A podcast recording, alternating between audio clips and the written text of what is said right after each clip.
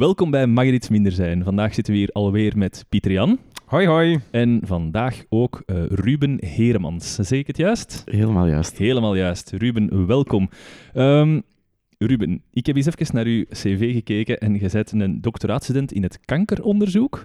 Um, wacht, hè, gynaecologische ultrasound en stamcelkanker. Ja. Dat is al een mond vol. Ja. Daar kun je daar iets mee uitpakken op een familiefeest zegt. maar je was gisteren aan het werken in de afdeling um, gynaecologie, was dat? Of? Ja, ja, klopt. Ja, um, ja, In het verloskwartier. Het verloskwartier, ja. Van UZ Leuven. Van UZ Leuven. Maar is dat dan echt zelf Baby's op de, de, de wereld zetten? Nee. gesuperviseerd, hè. Dus uh, ja, oh, gesuperviseerd. Ja. Oké. Okay. Dus ja, nog altijd in opleiding natuurlijk. Dus, ja, uh, want jij zijt gynaecoloog in opleiding. In opleiding, ja. Ja, ja. En dus dan, gisteren moest jij gewoon wachten totdat er iemand uh, het water brak? Of... Allee, en dan zit jij verantwoordelijk? Uh, wel, de, de eindverantwoordelijkheid ligt bij de, de supervisor die ja. Um, die alles uh, gadeslaat en in, uh, ja, okay. in goede banen mee moet leiden. Maar wij zijn, ja, wij zijn de, first ones on the, on the spot. Ja. Alright, cool. En dat is dan nu een vroedvrouwen, nee? Of dat kan ook, dat is ook een keuze. Ah, die vroedvrouw, vroedmannen. Waarschijnlijk moet je dat niet meer zeggen. Ik weet niet wat dat is. Is het vroedpersoon? Ja. Ondertussen? X. MVX. in, in Burkina Faso hebben ze daar een mooie, ja, een mooie term voor, mailloticien. Dus uh, les sages-femmes ja. Voor, ja, voor de vrouwen. En dan een mailloticien. Dus een maillotieker. Maillotieker, van wat komt dat? Dat is uh, Grieks voor... Uh, ja, ah, ja. Steven. Grieks? ik, er? Nee, ik wist het ook niet. Socrates, zijn moeder, was trouwens een vroedvrouw. Echt? Ja. ja. Wij leren hier al bij, jong. Ongelooflijk. Maar dus, en die zijn daar nog ook... Allee, dus je hebt dan de supervisor, ja. je hebt u dan, en dan ja, heb je de, de vroed, man, wij, vrouw, ja, ja, vroedpersoon. Wij, wij um, zitten daar zo ja, we zitten daar. Heb je trekt aan het kopje? In eerste instantie zijn uh, niemand. dus de, dat, is, dat is het mooie aan... Er wordt uh, niet aan de kopjes getrokken, Oké. dus uh, ja, dat is, het, dat is het, het wonderbaarlijke aan, aan arbeid en, um, en aan bevallingen. Dus eigenlijk, en waarom dat ze het ook arbeid noemen voor de, voor de ah, vrouw, ja, voor ja. de, de parturiënten. Ja. Zij moeten het doen. Ja, ja, ja. Okay. goed, maar um, ondanks het feit dat je hier zit als um, gynaecoloog in opleiding, uh, gaan we het vandaag hebben over kanker. Nu, die link die moet wat duidelijk gemaakt worden. Ik weet, de PG die stuurde uh, op een bewuste avond naar mij, ik heb ons volgende onderwerp gevonden. Um, ik denk op de avond dat we elkaar hebben ontmoet, op de quizavond, ja, ja, ja, heb ik dat gestuurd. En jij zei baarmoederkanker, daar gaan we het over hebben. Ja, waarschijnlijk was... zei ik toen baarmoederhalskanker, omdat ik het verschil ook nog niet kende, inderdaad. Maar, in, ja. in, in, de aanleiding van dit gesprek is het, uh, heb ik inderdaad gesproken over baarmoederhalskanker. Ik had dat ook initieel zo gepost op Facebook. En dan zei jij, nee, nee, het gaat over baarmoederkanker. Dus ik denk dat we straks al even... Maar dat is een bekende, hè, een baarmoederhals. Nee, is dat niet met dat uit, uitstrijken? En, en, ja, ja, okay. hm. um, maar ik denk, uh, dus we gaan het gesprek een beetje algemener houden in het begin, uitleggen wat dat kanker is. En dan uiteindelijk, ja, als jij de, de link ziet met uw onderzoek of zoiets, feel free uh, om ons uh, te onderbreken en de, de link te maken naar baarmoederkanker. Um, ik ga misschien beginnen met enkele cijfers. Um, Pieter Jan? Nee, niet kijken naar uw cijfers. Sorry, ja. in, in 2015 in België, hoeveel mensen, nee, hoeveel kankers werden er gediagnosticeerd? Uh, 200.000. Nee, 67.000. Oh, Oké, okay, oei. Ja. En hoeveel procent daarvan boven de 20 jaar? Ah, dat is veel, hè? Ja, dat weet ik. Ja, ik ga zeggen 95 procent. Ja, 99 procent blijkbaar. Um, de meest voorkomende kankers zijn... Ik lees hier af, dat is een specsheet van, um, van Kom op tegen kanker. Prostaatkanker, borstkanker, long- of dikke darmkanker. En bij kinderen is dat voornamelijk leukemie. Um, in 2016 waren er um, 68.000 nieuwe kankers uh, gediagnosticeerd, dus dat zijn er duizend meer dan um, het jaar ervoor. En als ik u vraag, Pieter Jan, ja. als je 75 bent en je bent man, wat is de kans dat je in je levensloop al met kanker bent geconfronteerd? Je bent 75 en je bent man. Goh, um, ja, 1 op 3. Allee, ja. Is dat veel toch? Veel te laag? Je zit er boenk op. Hè? Ah. En voor de vrouwen is het blijkbaar 1 op 4. Ah ja, maar dat is zo'n cijfer dat in mijn hoofd steekt. Ja, ja dat, eh, de kans... Ah, ik wist niet dat het bij vrouwen dan minder was. Uh, maar ja, dat is minder. Is, ja. um, want er staat bij, um, de leeftijd van 75. Is de leeftijd heel determinerend voor een kanker, Ruben? Um, dat varieert al, al naar, het, um, naar het type kanker. Um, varieert ook naar de agressiviteit. Ja, de, de meeste kankers die agressiever zijn, zullen ook op veel jongere leeftijd voorkomen. De agressievere kankers komen op jongere leeftijd mm, voor? Vaak, vaak wel. Al moet ik daar, al moet ik daar ook wel met twee woorden spreken. ja. Ik snap dat je dus- genuanceerd wilt zijn. Dat moet niet al te genuanceerd zijn voor dit gesprek. Um, we beseffen ook dat het een moeilijk onderwerp is. We proberen af en toe nog een beetje de luchtige noot, want we waren hier al aan het lachen. Het gaat natuurlijk over een heel beladen, um, wetenschappelijk en zeker en vast emotioneel beladen onderwerp. Uh, maar we gaan hier proberen uh, de gegevens um, mee te delen. Hè, want Iedereen wordt er wel mee geconfronteerd. En dan is het toch heel vaak uh, de vraag van, wat is nu eigenlijk een kanker? Ruben, kunt jij een keer in een aantal woorden omschrijven wat dat, dat exact is? Well, kanker is um, eigenlijk de, het, het, gegeven van een ongecontroleerde celproliferatie, van een ongecontroleerde celdeling. Dus een normale ja. cel, wel uh, afstammende van een, een alles, een alles bevattende omnipotente cel kan zich gaan mm differentiëren of allee, gaan toespitsen op een bepaalde, um, ja, uh, een bepaalde weg inslaan. Zijn we dan over stamcellen bezig die nog elke vorm kunnen aannemen? Ja. Dat kan nog een oogcel worden of een huidcel Zo. of een haar. Ja. Zo is en stamcellen, dat zit in, dat, dat is als je foetus bent, dan hebben we stamcellen. Well, um, of hebben wij nu nog altijd stamcellen? Ja, zo embryonale stamcellen. Um, en die hebben als je embryo zijn, of hebben die nu ook nog? Wij hebben die ook in ons beenmerg zitten. Dan zijn ze al... Ah, ja, dus uh, die, die En die kunnen alle... Dat is een joker eigenlijk, dat kan alles zijn. Quasi, quasi alles, ja. ja, ja, ja. En waar, is, waar kruipt daar dan ergens de, de kanker in, in uh, dat gegeven? Wel, um, het is nogal... Ja, dus het, het gegeven is dat... Um, want stamcellen zijn niet per definitie kankercellen natuurlijk. Mm -hmm. Dus um, kankercellen zijn uh, wel cellen die een stemcel-like phenotype hebben. Dus eigenlijk ook dat potentieel hebben om alle richtingen uit te gaan. Mm -hmm. um, maar om, om terug top-down vanuit die, um, vanuit die stamcellen te beginnen, is dus, um, dus uh, omnipotent, uh, totipotent, pluripotent. dat is tot, tot als cellen uiteindelijk bij een gedifferentieerd een gedifferentieerd weefsel uitkomen. Dus iets wat dat compleet typeert wat dat, dat weefsel is. En op dat moment um, ja, gaan bepaalde uh, cellen in, in die staat blijven delen aan een heel verschillend delingsritme. Dus um, je weet dat darmcellen en huidcellen zichzelf aan een veel snellere ratio voortzetten en delen dan uh, beencellen. Nou, nou, van zodra dan ons skelet eigenlijk volledig gevormd is. Want ja, op jongere leeftijd zullen ze zich natuurlijk ook veel sneller voor alleen, veel sneller delen.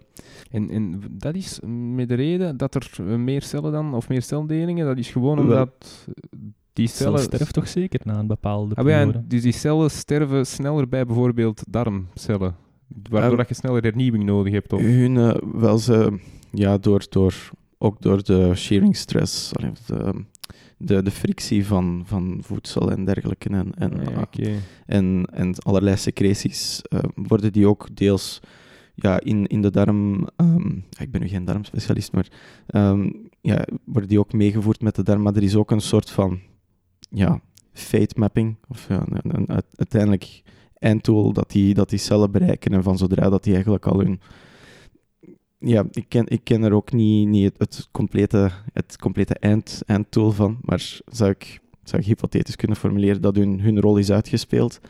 En bij de ene soort cel gaat, gebeurt dat al wat sneller dan de andere. Oké.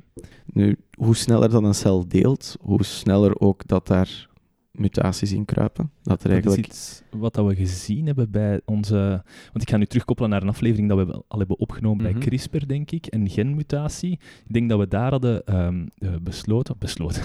daar hadden verteld dat um, elke deling van een cel um, mogelijkheden, geeft, mogelijkheden geeft tot DNA-mutatie. Dus de DNA, de, de, de, source code van uw, van uw lichaam, hoe dat het er mm allemaal moet uitzien. Ja, want hoeveel letters hadden wij nu weer? Oh, dat weet ik niet meer. Maar, bangelijk, ja, bangelijk veel. Ja, ja. Dus de kans dat er inderdaad iets... Uh, allee, waarschijnlijk bij elke celdeling gaat er wel iets... Is een letter fout. Klopt, klopt. Dus ja, sorry, ik had u even onderbroken. Uh, Nee, nee, geen enkel probleem. om daarop in te pikken, ja. Dus ehm, in, in elke celdeling kan er ook iets misgaan. Um, En gebeurt er ook, zijn er ook onherroepelijk um, mutaties die, die optreden. het is ongeveer, er gepostuleerd is dat er iets van 1 op de 1000, ja, om de zoveel allee, bazenparen dat je zou gaan kijken, dat er wel een variant is. Maar dus niet elke een mutatie is gevaarlijk. Nee, nee, nee. Dus daar zijn ook heel uitgebreide databases over. En op, dus dat, dat beschrijft eigenlijk ja, pathogene varianten uh, versus non-pathogene varianten. Dus uh, gewoon...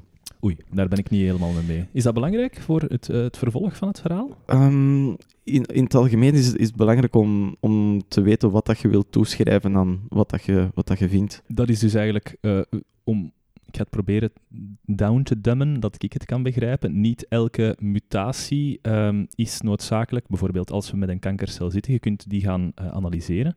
En er zullen een aantal uh, mutaties zitten in het DNA van die kankercel, maar niet elke mutatie is de aanleiding van exact. die kanker. Ja, exact, ja, exact. Okay. Je hebt een aantal driver-mutaties. Dus um, dat woord heb ik een aantal keer zien terugkomen in, in, in de opzoeking voorafgaand. Een driver mutation, wat, wat, is dat juist? Een driver mutation is een mutatie die dat echt ehm, ja, een, een belangrijke aanzet is. Um, het is eigenlijk de, de chauffeur van, van busje eigenlijk.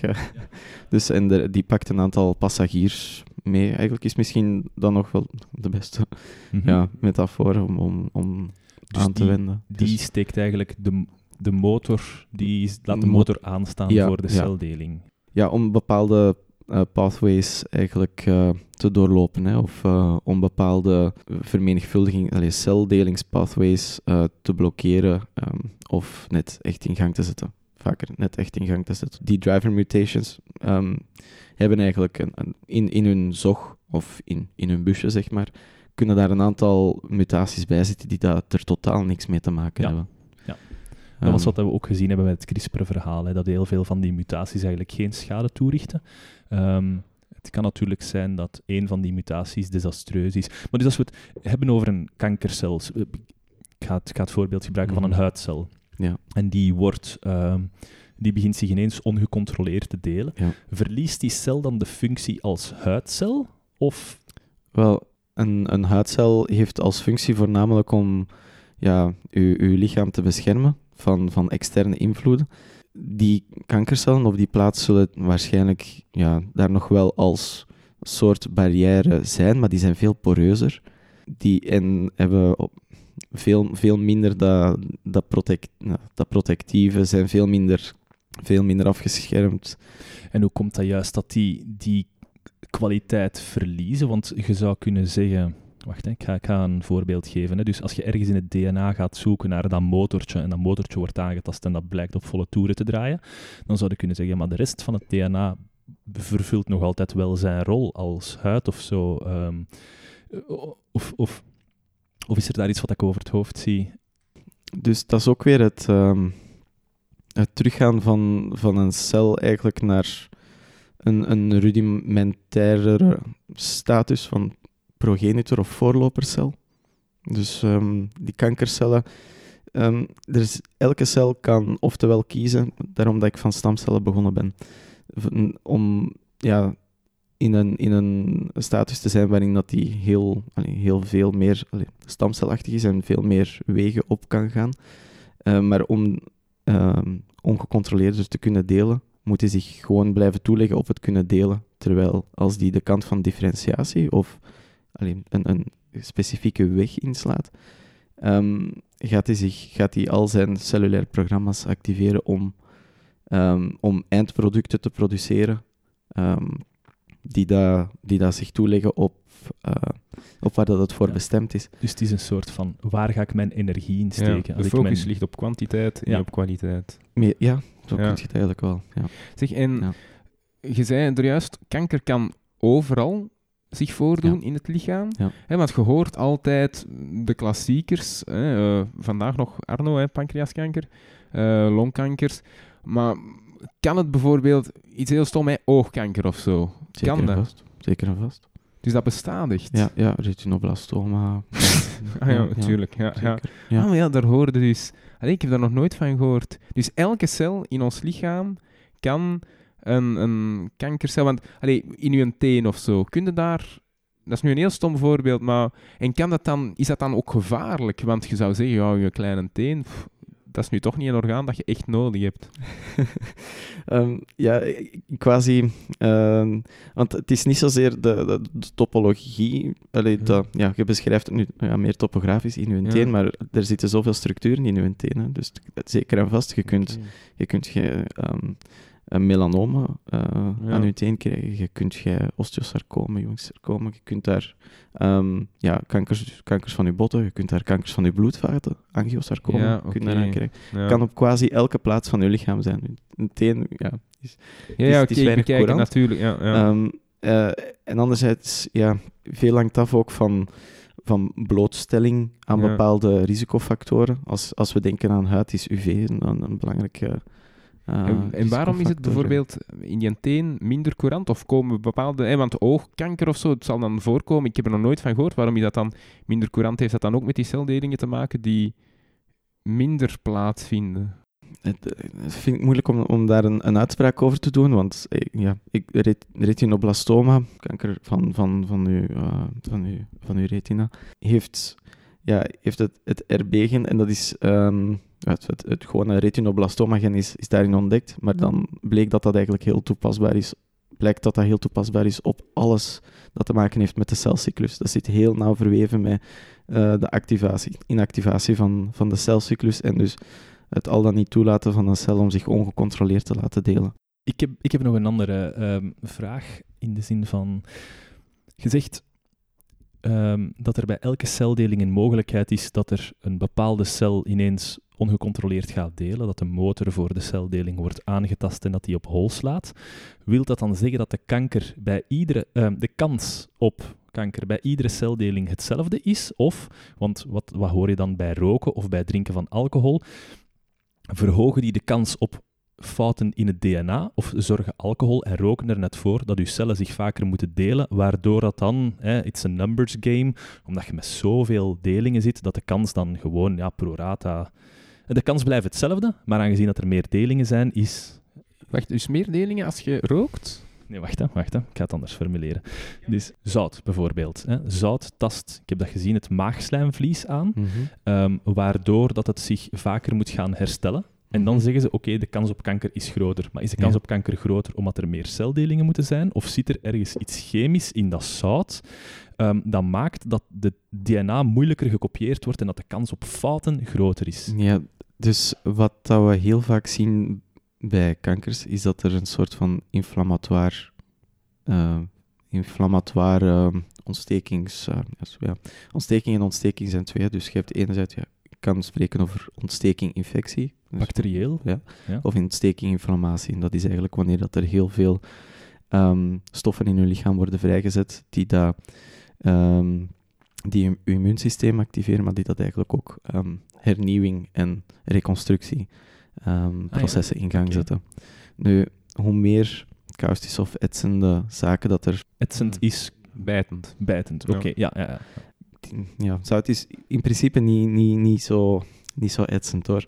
Um, maar als we nu daadwerkelijk over echt etsende materialen spreken, die mhm. daar op een plaats terechtkomen waar dat er uh, waar dat het lichaam heel hard moet werken om dat te weren, om die, in, uh, die in, dat insult te weren, dan worden er heel veel processen aangezwengeld die dat, uh, een heel, heel erge stress op je cellen plaatst om zich uh, te wapenen en om dat te neutraliseren, om dat effect te neutraliseren. Ja, zeg, en die kanker. Hè. We hebben nu celmutaties, celdelingen, celmutaties. Maar ik heb mij ook laten vertellen dat een kankercel niet zomaar een celmutatie is, hè, mutatie in het DNA, want dat heb je, hè, dat hebben we er juist al gezegd, eigenlijk heel veel. Mhm. Op een dag hè, gebeuren er uh, verschillende mhm. kleine foutjes, lettertjes die verkeerd overgeschreven worden, maar dat een kankercel ook nog eens daarbovenop een supercel is. Um. Omdat die laat ik mij dan vertellen, hè, we hebben er juist denk ik ook al over gepraat, omdat hij sneller deelt en ook wel resistenter is tegenover aanvallen dan van, van het lichaam. Klopt dat? Allee, is, is kanker een, tussen aanhalingstekens een supercel? Um, als super betekent ja, boven andere cellen, ja, van zodra dat die andere cellen outcompete ja, en, en wegdringt uit de niche waarin dat ze zitten, of de plaats waarin dat ze zitten, en als die um, meer voedsel opneemt dan, dan de rest en dominant wordt, dan wel. Ah, ja, ja, ja. Um, in het ziekenhuis ook, denk ik, hè, ik ga even uit mijn hoofd spreken. Um, als ze willen kijken of dat iemand een kanker heeft, dacht ik dat ze die gingen injecteren met um, radioactief suiker of zoiets. Ah, suiker ah, ja, dat ja. bestraald is. En dan nemen ze uh, een, een, een, plaat van uw, van uw lichaam. En ze zien eigenlijk overal waar het um, suiker aanwezig is, ligt dat als het ware op. Dus is het wit of zoiets op de tekening. Maar op, uh, de, op de plekken waar dat er een kanker zit, is dat zwart, omdat die kanker alle suiker tot zich heeft getrokken. Dus zijn dat eigenlijk...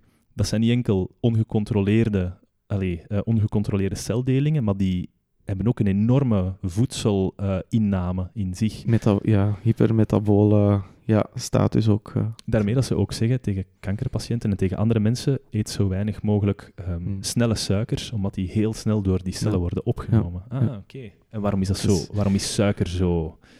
Ja, het is, het is de, de basis ook van, um, van glycolyse, van Um, en uiteindelijk ook van de krebscyclus, uiteindelijk ook ja, van... De energievoorzieningscyclus. Ja, ja, ja. Uh, net omdat ze zoveel energie nodig hebben, gaan ze veel tot zich nemen. Terwijl een andere cel denkt, ik heb voldoende om mijn... Uh, dus het is een van de elementen.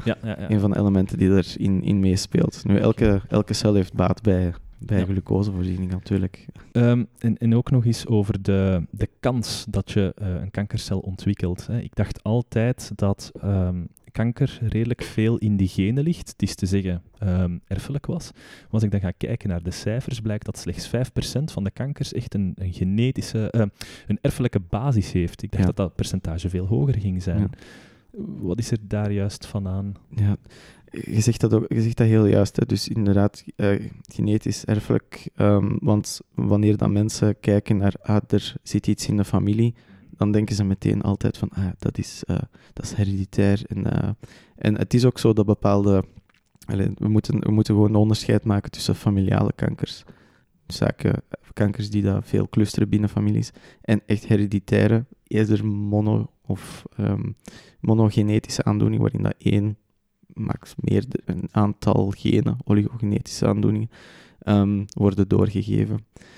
Um, en Wacht, kunt je, een, kunt je een voorbeeld daarvan geven? Eh, eh, ik beeld mij een longkanker in. Als overgrootvader, grootvader en uw vader allemaal bijvoorbeeld longkanker mhm, hebben mhm. gehad. Zit het dan echt in de familie? Of hoe zit het juist? Ja, over longkanker durf ik me niet, uh, niet helemaal uitspreken. Mhm. Maar um, er, er, zijn bepaalde, er zijn bepaalde kankersyndromen die daar in families kunnen lopen globaal. Uh, en ge, um, gelinkt zijn aan bepaalde, uh, bepaalde echt singuliere mutaties. En die, kunnen mutaties, die mutaties kunnen uiting geven aan kankers in enorm verschillende um, uh, organen. Die Ach zo, ja, ja, ja, ja. ja, Dus dat het, dat het een longkanker is bij één iemand, maar een leverkanker bij iemand anders. Ja, dat kan een eerste manifestatie zijn van, um, van éénzelfde mutatie. Kan, in, in een verschillend orgaan. Want dus als ik het simpel moet samenvatten, er zijn twee manieren waarop dat echt... Allez, heel dumbing down. Hè? Twee manieren waarop het echt erfelijk kan zijn. Um, als je u... Ja? ja um, echt erfelijk, um, zit, erfelijkheid zit echt in de genen ingebakken. Dat is wat... Ah, ja, ja. ja, dus, ah, wel, ja, maar het zit in de genen ingebakken, maar je hebt nog maar een hele kleine fout nodig vooraleer dat in die bepaalde cel de ongecontroleerde celdeling begint. Of het kan oh. ook zitten in uw genen die dat, voor, die dat eigenlijk verantwoordelijk zijn voor het schrijfmechanisme, het, het kopieermechanisme. Als mhm. er daar al iets fout zit, ja, is de kans dat je later een fout hebt in je DNA nog groter. We spreken, ja, want we spreken inderdaad nog altijd over, over kansen. Het is niet um, dat, dat, het, um, dat het per definitie zo gaat zijn. En dan heb je binnen bepaalde mutaties, als je bepaalde mutaties um, erft, ook, is er ook nog een, een term zoals penetrantie. En dat wil eigenlijk zeggen de mate waarin dat, um, dat zo'n uh, mutatie ook echt uiting zal geven aan ja. Ehm, Oké, dus um, ik ging... Ik heb een nieuwe huisdokter enzovoort. En ze vroeg, ja, oké, wat, is uw, wat is uw geschiedenis, uw familiegeschiedenis enzovoort. Ik zeg, mhm. ja, bij ons zit er kanker in de familie. Mm -hmm. uh, maak dat van mij een risicopatiënt. En zij zei daarop, officieel gezien wel, mhm. behoort je tot de risicogroep, mhm. maar uw levensstijl en alle andere externe factoren hebben een veel grotere invloed op wat er in uw familie zit. Kan je dat bijtreden daarom? Uh, het, je moet altijd het globale plaatje zien, mhm. natuurlijk. hè.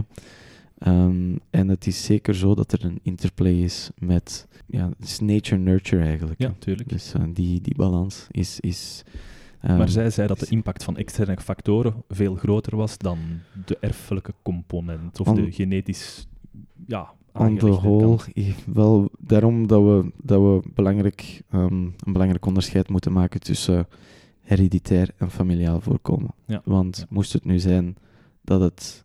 En, wacht, en wat is dat familiaal? Hebben we dat al gehad, dat familiaal voorkomen? Wel, Want is dat hereditair, hè, als het in de code zit, maar wat is dan dat familiaal? Wel, dus um, dat is eigenlijk is een soort van para, paraplu-term voor, voor te zeggen dat, we het, um, alleen dat het clustert, van, ja, maar dat we nog niet, dat we niet kunnen zeggen waar dat het aan toe te schrijven is. Oké, ja, omdat je het nog niet weet. Ja, ja. ja.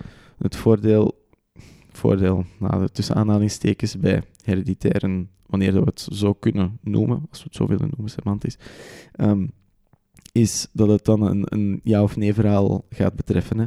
Dus wanneer dat, dat we zouden zeggen van, uh, dat we iemand, een patiënt met borstkanker, en blijkt dat er het BRCA-gen aanwezig is in de familie. Ja. Het Angelina Jolie-gen, mm -hmm. die dat, dat ook heeft. Ja. Kan er getest worden op uh, volgende generaties. Um, en kan er zelfs ja, bij uh, in vitro fertilisatietechnieken en zo kan er, kan er preimplantatie genetische diagnostiek uh, gebeuren om... Wat dat eigenlijk wil zeggen, bij de, bij de testbuisbaby's halen ja. die eruit uh, die dat, dat wel hebben en houden we diegene over die exact. dat dat niet ja. heeft. Ja. Dus selectie voor, voor, voor en Wat is het gevaar bij dat BRCA-gen? Is dat dat je dan 90% kans hebt op borstkanker als je dat bepaalde gen hebt? De, tot, tot 80 80, ja, ja. ja, En ook een uh, ongelooflijk verhoogd risico op uh, eierstokkankers.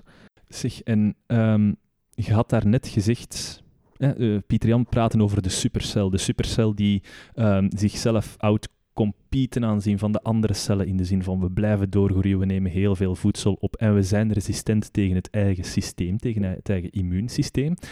Um, waarom merkt een immuunsysteem zo'n cel niet op Hè? Want ik denk, mijn immuunsysteem, ik heb, um, ik heb allergie, dus ik heb al vaak gehoord, uw immuunsysteem draait op hol. Hè? Want meestal dat er iets extern binnenkomt, schiet mijn lichaam in paniek en begin ik daarop te reageren. is dat een allergie? Ja, ik weet het. Eh, dat ik dacht dat dat een allergie was, dat die pollen be beschouwt als externe factoren die, die, die kunnen kwetsen en die dat daar dan op begint te reageren.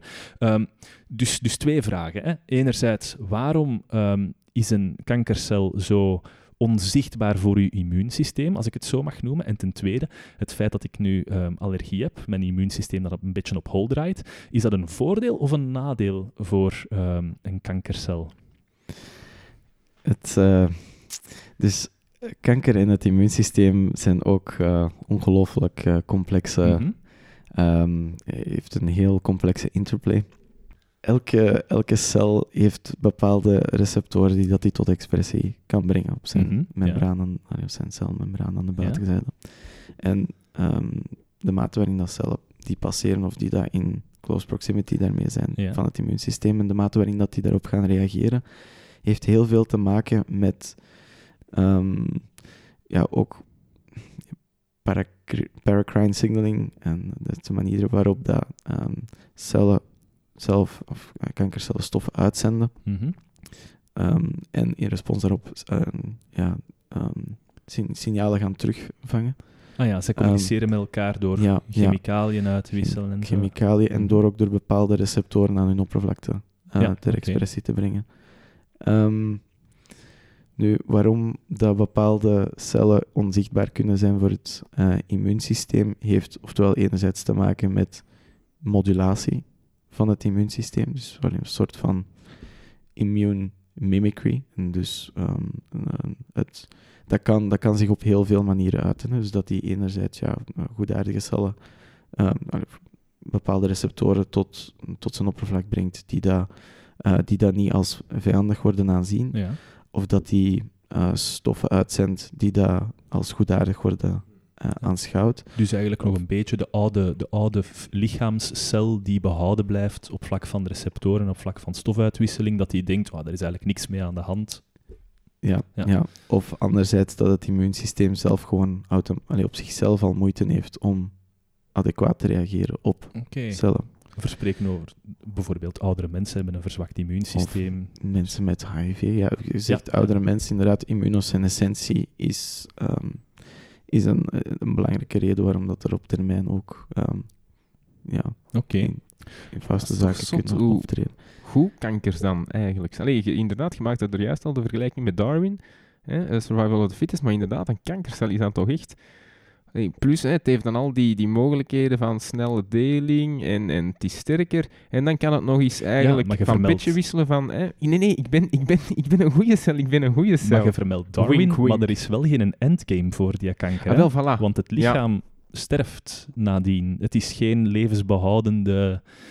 Allee, een kanker kan niet op zichzelf leven. En dat kan zichzelf ook niet buiten het lichaam beginnen um, uh, voortplanten. Heeft... ja, dat vind ik, ja. Heel fascinerend. Goeie vraag. Oké, oké, we gaan dat opsplitsen in verschillende vragen. Kan een kankercel een andere cel infecteren? In de zin van een kankercel ligt naast een gezonde cel. Kan die kankercel ervoor zorgen dat die gezonde cel ook een kankercel wordt? Wel, door ehm, ofwel een inflammatoire milieu, heel, uh, een milieu om te vormen tot iets heel inflammatoire geladen mhm. en bepaalde um, paracrine stoffen uit te zenden, um, bepaalde interleukines of cytokines uit te zenden, die daar heel veel stress plaatsen op de naburige cellen.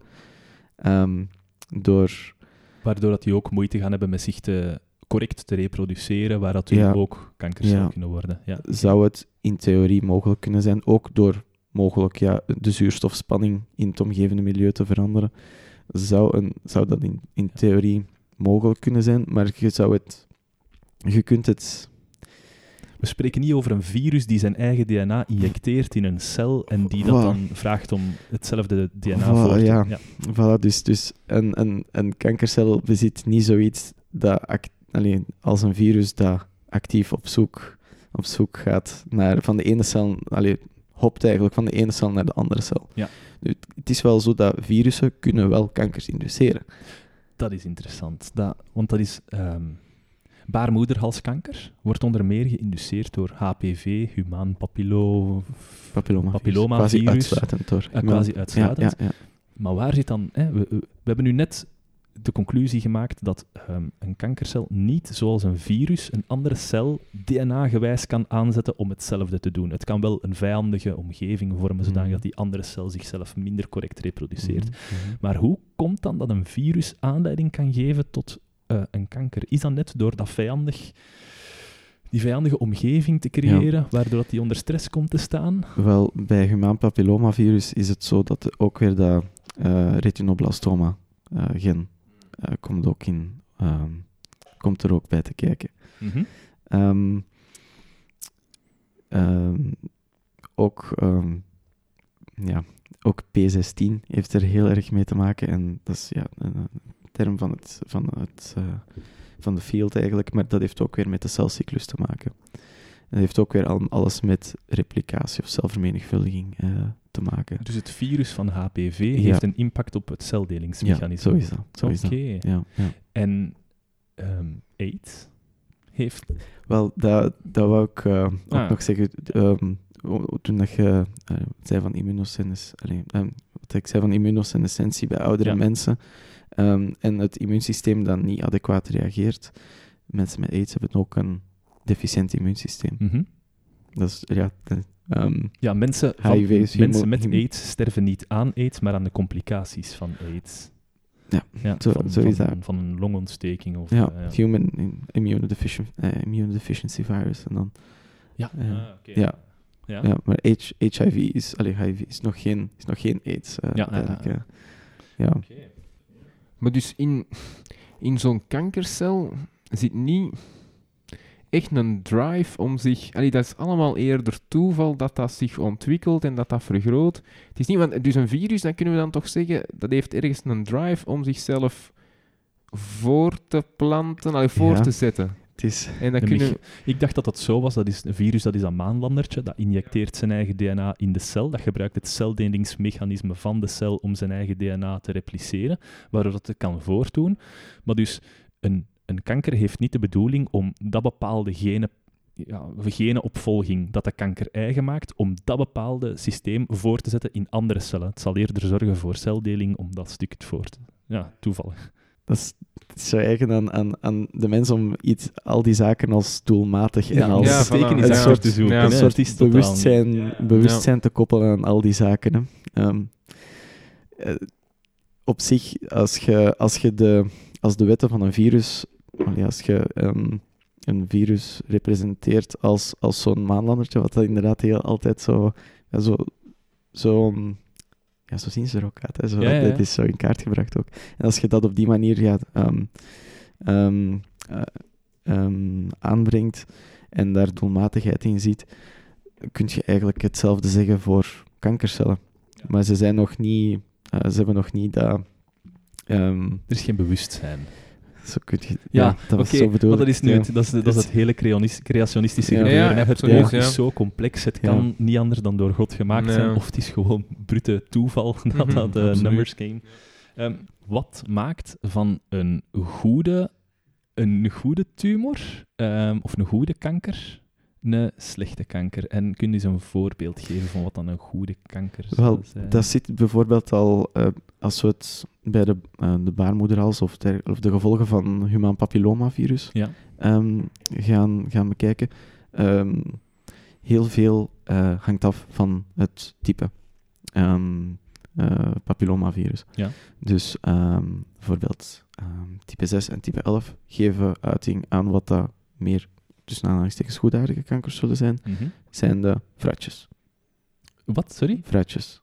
Fruitjes, ja. ja, ja, ja. Um, type um, 16, 18, 31, 33. Uh, een hele rist aan uh, hoogrisicotypes, hoogrisicotypes HPV, geven uiting aan kankers, maar kunnen ook um, in een absolute minderheid ook uiting geven aan, aan fruitjes. Ja. Nu, het, allee, de, de, de, de weg waarin, is de, de manier waarop dat ze uiteindelijk richting uh, het een of het ander zullen gaan, is, is heel erg afhankelijk uh, van, van, van welk type dat het, dat het is. Maar het is...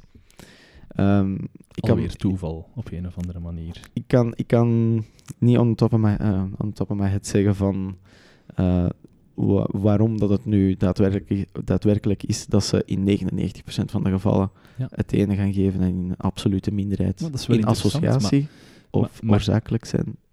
Maar kan een, een, een goede kanker, de vratjes bijvoorbeeld, dan ook zich omvormen tot een, een kwade kanker? Um, basically wel. Hè. Ja. Basically kan elk georganiseerd weefsel eerst een, een status van gelokaliseerde ongevaarlijke wanorde uh, genereren om dan ineens compleet te exploderen in iets ja. gedesorganiseerd. Ah, oké. Goed. Maar over de uitzaaiingen, daar zullen we straks misschien na de pauze uh, ja, verder over goed. Ja. Alright. Deel 2 van de podcast. Zoals u misschien in het eerste deel al heeft gehoord, um, is het een genuanceerd verhaal dat we hier vandaag vertellen. Omdat kanker is een, uh, een koepelbegrip waar dat bijna alles onder valt. Hè. Ons genoom is heel groot. En foutjes in verschillende delen van dat genoom kunnen aanleiding geven tot verschillende kankers op verschillende plaatsen in uw lichaam met verschillende eigenschappen. Dus het is moeilijk om een soort van vaste waarheid te vertellen over elke kanker. Hè. Wat is een kanker? Ja, dat verhaal dat kan miljoenen vormen aannemen. Er zijn toch een aantal dingen die dat we um, kunnen destilleren van um, uh, het vorige hoofdstuk. En dat is namelijk dat er een verschil is tussen een familiale en een hereditaire kanker. Uh, de familiale kanker is meer een kanker die aanwezig is in de familie. Hè. Men vermoedt, daar zal wel ongeveer ergens een band zijn tussen de personen en de kanker.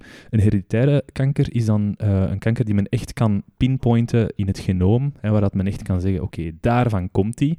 Dus ze hebben eigenlijk wel iets met elkaar te maken. En, en uh, Ruby had daarnet ook al aangegeven dat in de toekomst vermoedelijk veel meer familiale kankers hereditaire kankers zullen worden door genoomuitlezing en door een beter begrip daarvan. En die via de kiembaan dan um, over, overgeërfd worden. Hè? Ja, ja, inderdaad. Maar je zei ook dat de omgevingsfactoren niet mogen onderschat worden. Ehm, ik ben persoonlijk afkomstig van de regio Capelle, allez, Londerzeel op den Bos, waar dat de asbestfabriek staat. Ja, er zijn heel veel families die asbestose in, in de familie hebben zitten, maar dat is dan niet um, familiaal of hereditair, dat is pure omgevingsfactor dan. Um, is familiaal, maar niet hereditair. Of... Oh, oh, oh, wel, ja, ja familiaal, maar niet hereditair. Familiaal uh, voorkomend. En dan zou je moeten, ja, als je abstractie kunt maken van, of als je de factor asbestose zou kunnen uh, weghalen, uh, als er dan, als de achtergrond die dan overblijft nog altijd kankers bevat, zou je er wel, mm -hmm. ja. zou je er wel verhoogd risico in kunnen vermoeden. Als ja. dat niet het geval is, als die nurture weg, weggehaald is. Ja. Als de omgevingsfactor de enige determinerende is, dan kunnen we niet echt spreken van iets familiaal. Voilà, voilà. Ja. Dus daarom dat, dat het altijd een heel grondig nagaan vereist van, uh, van de, de omgevingsfactoren, de, um, de levenswijze. Um, levenswijze ook heel belangrijk. Absoluut. We zullen het er straks nog over hebben, over hoe kunnen we preventief te werk gaan. Hè. Um, nog een van de elementen is, um, we hadden al gezegd dat het allemaal begint bij één cel, of het kan voortgaan met één cel, in de zin van als een tumor wordt weggenomen en er blijft één cel zitten. Dat is natuurlijk een heel groot gevaar, omdat die ene cel zich kan verplaatsen en helemaal opnieuw kan beginnen. Um, daarom ook waarom dat er zoveel aandacht wordt um, gehecht aan het chirurgisch verwijderen van een bepaalde kanker. Ja. Um, het immuunsysteem, daar zijn we ook op teruggegaan. Mm -hmm. uh, uw lichaam herkent op bepaalde manieren een kanker niet echt. Um, omdat het natuurlijk vertrekt van een lichaams-eigen cel, die dat dan iets anders begint te doen. En mhm. niet mhm. altijd kan uw immuunsysteem dat herkennen. Of is uw immuunsysteem te zwak om daarop te reageren. Ja. Um, en nu zitten we eigenlijk bij de uitzaaiingen. En wat ik interessant vind bij de uitzaaiingen, dat is... Um, als iemand zegt, ik heb uitzaaiingen in de longen, dan kunnen we niet spreken van een longkanker. Niet per se spreken van een longkanker. Waarom, waarom niet? Omdat, um, en dat is door, uh, waarom dat het ook altijd, uh, um, het is altijd noodzakelijk om een bevestiging te hebben van welk type weefsel het is, dat, dat, waaruit het abnormaal gedetecteerde weefsel dat dan zich nu in de longen zou bevinden, mm uit opgemaakt is. Ja. Omdat um, het zou kunnen, natuurlijk, um, dat er ook een synchrone of gelijktijdige longtumor aanwezig is. Mm -hmm. um, maar als er een andere kanker, uh, een andere kanker uh, uh, ook aanwezig is, die aan, aanleiding kan geven tot uitzaaiingen in de longen, moet dat, moet dat wel bevestigd worden als dusdanig. Ja. Omdat bepaalde tumoren zich heel... Allee, twee tumoren kunnen zich al van, van andere oorsprongsorganen uh, kunnen zich ten eerste dan heel anders gedragen, kunnen een heel verschillende gevoeligheid ten opzichte van verschillende behandelingsmodaliteiten uh, hebben. Maar het is, uh, het is absoluut het allerbelangrijkste is van daar um, een bij zekerheid grenzende um, waarschijnlijkheid, waarschijnlijkheid uh, over te kunnen uitspreken. Want, uh, en de gouden standaard... Mag ik, mag ik één stap terugzetten? Tuurlijk. Gewoon voor de luisteraar. Dus um, uh, bijvoorbeeld als we het hebben over uh, er zit een kanker in de longen, um, kunnen we die niet kunnen we die niet meteen behandelen als een, een longkanker. Het kan bijvoorbeeld zijn een metastase, een uitzaaiing van een ja. nierkanker die in de longen zit. En stel nu dat Ehm, stel nu dat een niertumor uh, totaal niet te behandelen valt met chemo, moet je dan ook niet voor de uitzaaiing in de longen chemo gaan gebruiken, want het is eigenlijk iets dat terugkomt van de nier. Dus we spreken niet over een longkanker, we spreken dan eerder over een metastase van een mhm. nierkanker in de longen. Is dat juist? Als, we, als, ja, als de niertumor um, ja, een uitzaaiing in de, ja, in de longen um, aanleiding heeft gegeven tot een, mm uh, gaat dat zich gaat dat zich op beeldvorming um, anders presenteren dan een primaire ah, zo, longtumor. Ja. Dus dat is al de manier waarop het ra zich radiologisch presenteert, is al één hint uh, dat ons kan zeggen van kijk, dit is met zekerheids uh, naken. Uh, of, of, of, um, ja, zekerheidsgrenzende waarschijnlijkheid. Ja, zekerheidsgrenzende waarschijnlijkheid een uitzaaiing van, van een andere tumor. en als, als we ons daar niet over kunnen uitspreken met beeldvorming alleen, ehm, met voldoende zekerheid, gaan we proberen om daar wel weefsel van te... Een biopt, of biopt dat van te nemen, ja. Ja, kunnen we dan zo'n uitzaaiing... Ik heb me dat altijd voorgesteld, maar waarschijnlijk is dat dan foutief. Als echt iets dat je kunt zien, een lijn die vertrekt dan bijvoorbeeld in de nieren en die loopt tot, en een draad, bij wijze van spreken, mm. tot in de longen. Eigenlijk en dan... een, een, een, een champignon, sporen. Ja, voilà. ik heb me dat altijd zo voorgesteld, maar dat is dan waarschijnlijk niet. Alleen, uh, een kanker kan dan gewoon zich laten transporteren door de bloedbanen en dan gewoon up in de longen. Ja, zo is dat. Beginnen. Um, dus er moet geen draad zijn. Ja, wat, uh, um, wat uh, een, uh, een kankercel kan doen um, vanuit zijn oorspronkelijke niche is zodanig. Ja, we spreken over kankers wanneer dat ze invasief zijn, dus in binnendringen in de omgevende structuren. Een soort van... Um, in uw weefsel. In uw weefsel. Dat is waarom dat zo de, de dingen van ja, uh, ja, cancer, uh, uh, die krab, waarom dat die zo uit... zo zijn... Ah ja, dat moet je misschien inderdaad zeggen. Dat is wel een leuke. Wat? De, de, de etymologie van, ja. van kanker. Dus van allee, kanker als, als um, de, ja, iets in, in Hippocratische tijden gevonden, waarin dat... Um, ja, Um, Hippocrates zei dat ja, toen nog niet specifiek uh, toegespitst op wat dat kanker was, allee, want er was op dat moment geen. Ja, allee, mm -hmm. geen MRI's of wat ja. ja. er was niet zoiets als een entiteit als, als kanker zoals dat we het vandaag kennen. Um, maar dus de, de, afbeelding, de afbeelding daarvan, of ja, het, het uh, wel, de verbeeldenis van, uh, van kanker in hoe dat, het, dat hij dat in zijn hoofd had geconceptualiseerd is als, ja, zoals dan een krab eigenlijk ook zijn poten um, vastzet in, in omgevende weefsels, zo zal eigenlijk ook uh, de kanker zich uitspreiden met uh, onregelmatige uitlopers in het omgevende weefsel. Ja. En is dat nu, nu nog altijd niet... Ken, nou, is dat niet... Kan, de, kans, ja. ja kans, ja, een krap uh, in... Nee, wacht. Ik, maar cancer in dingen, de, de, well, cancer, de zodiac. De ja, dat is toch een cancer. Ja, oké, okay, ja, dus er is nog altijd die link. Ja. Ja. ja. Dat is uh, ja, interessant. Maar sorry, ja, we hebben nu er juist uh, onderbroken, hè. Naar die uitzaaiingen toe. Wel, hè? Ja. ja, dus, um, dus kanker is per definitie invasief. Ja.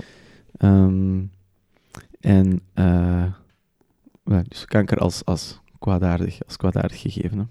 Um, eh, ja, ook al kun je, ja, gaat ons misschien ook iets te vernemen, maar ik, om, om, dat te nuanceren, je kunt ook kankers in situ hebben. Dus kankers die nog ter plaatse zijn, die niet, nog, nog niet door de um, beschermende uh, membraan zijn Oh, ja. Ah, ik heb dat gezien op de foto. Elke, elke lichaamsorgaan um, of zoiets ligt in een bepaald weefsel en dat is mooi afgescheiden. En eens dat daar iets doordringt, dan spreken we dus echt van... Uh, ja.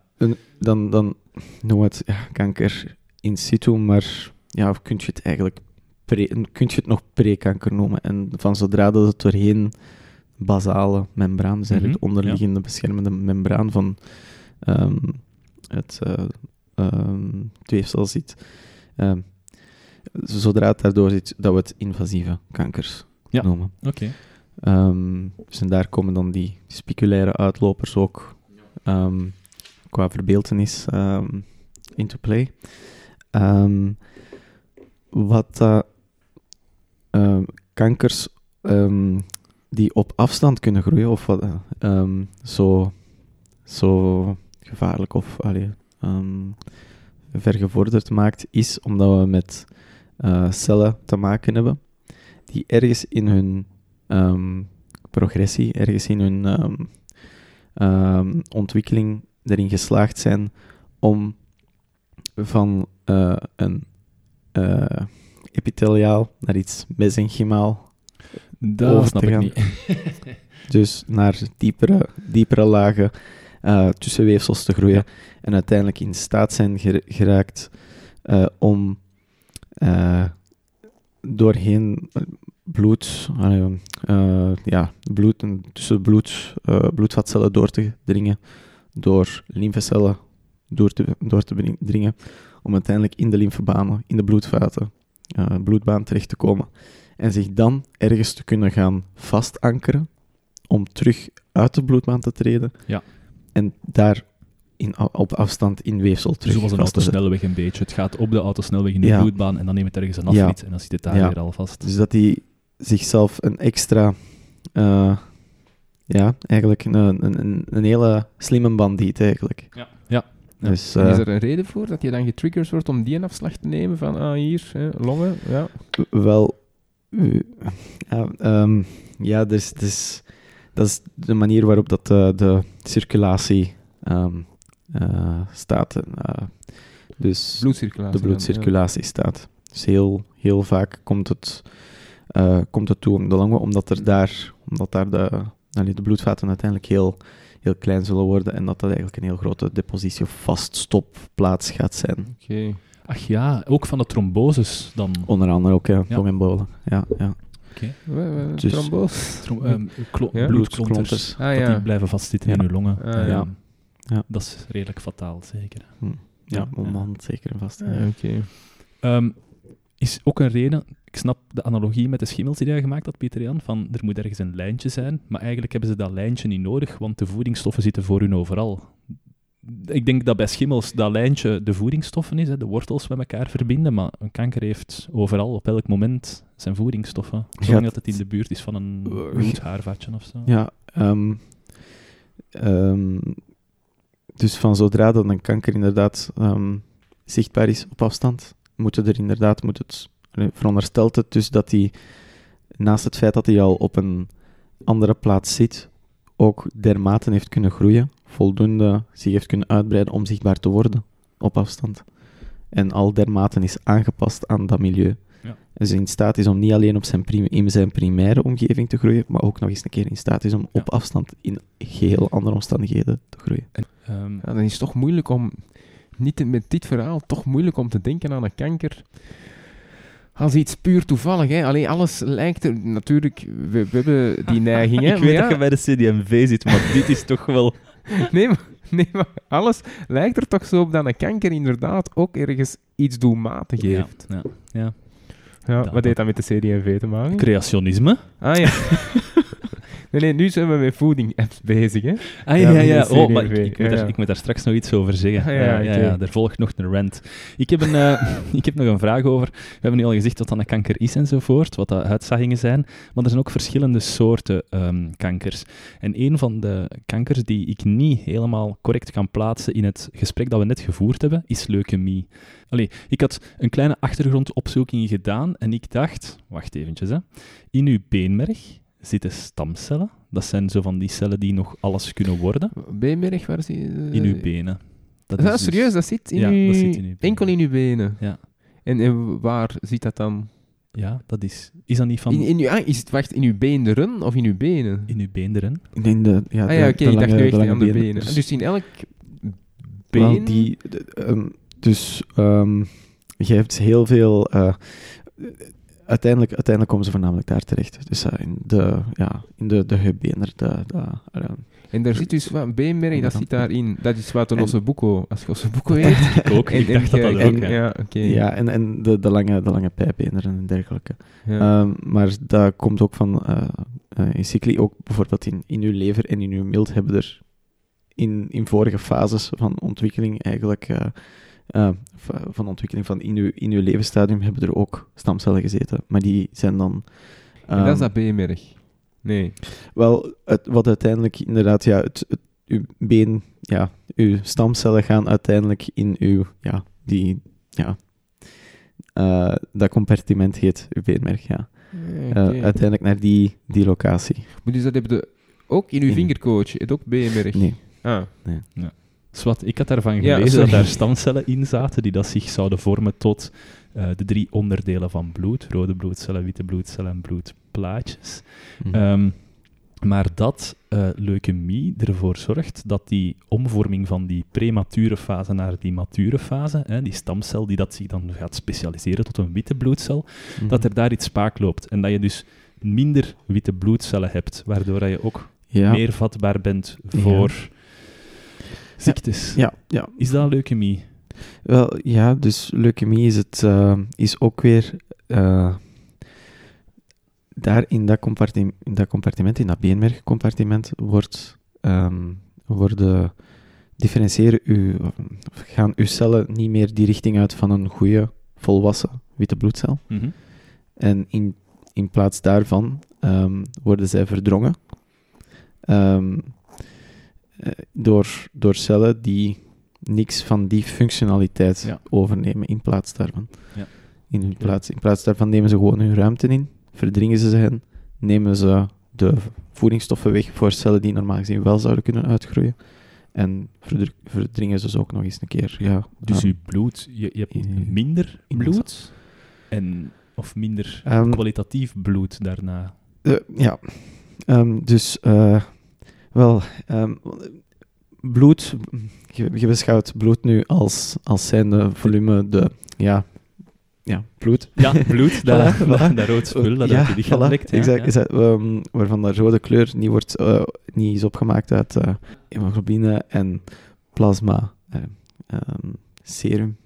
Ja, dus Er, zitten, er zitten stollingsfactoren bij, er zitten er zit, eiwitten bij, mm -hmm. er zit... Uh, hemoglobine is ook...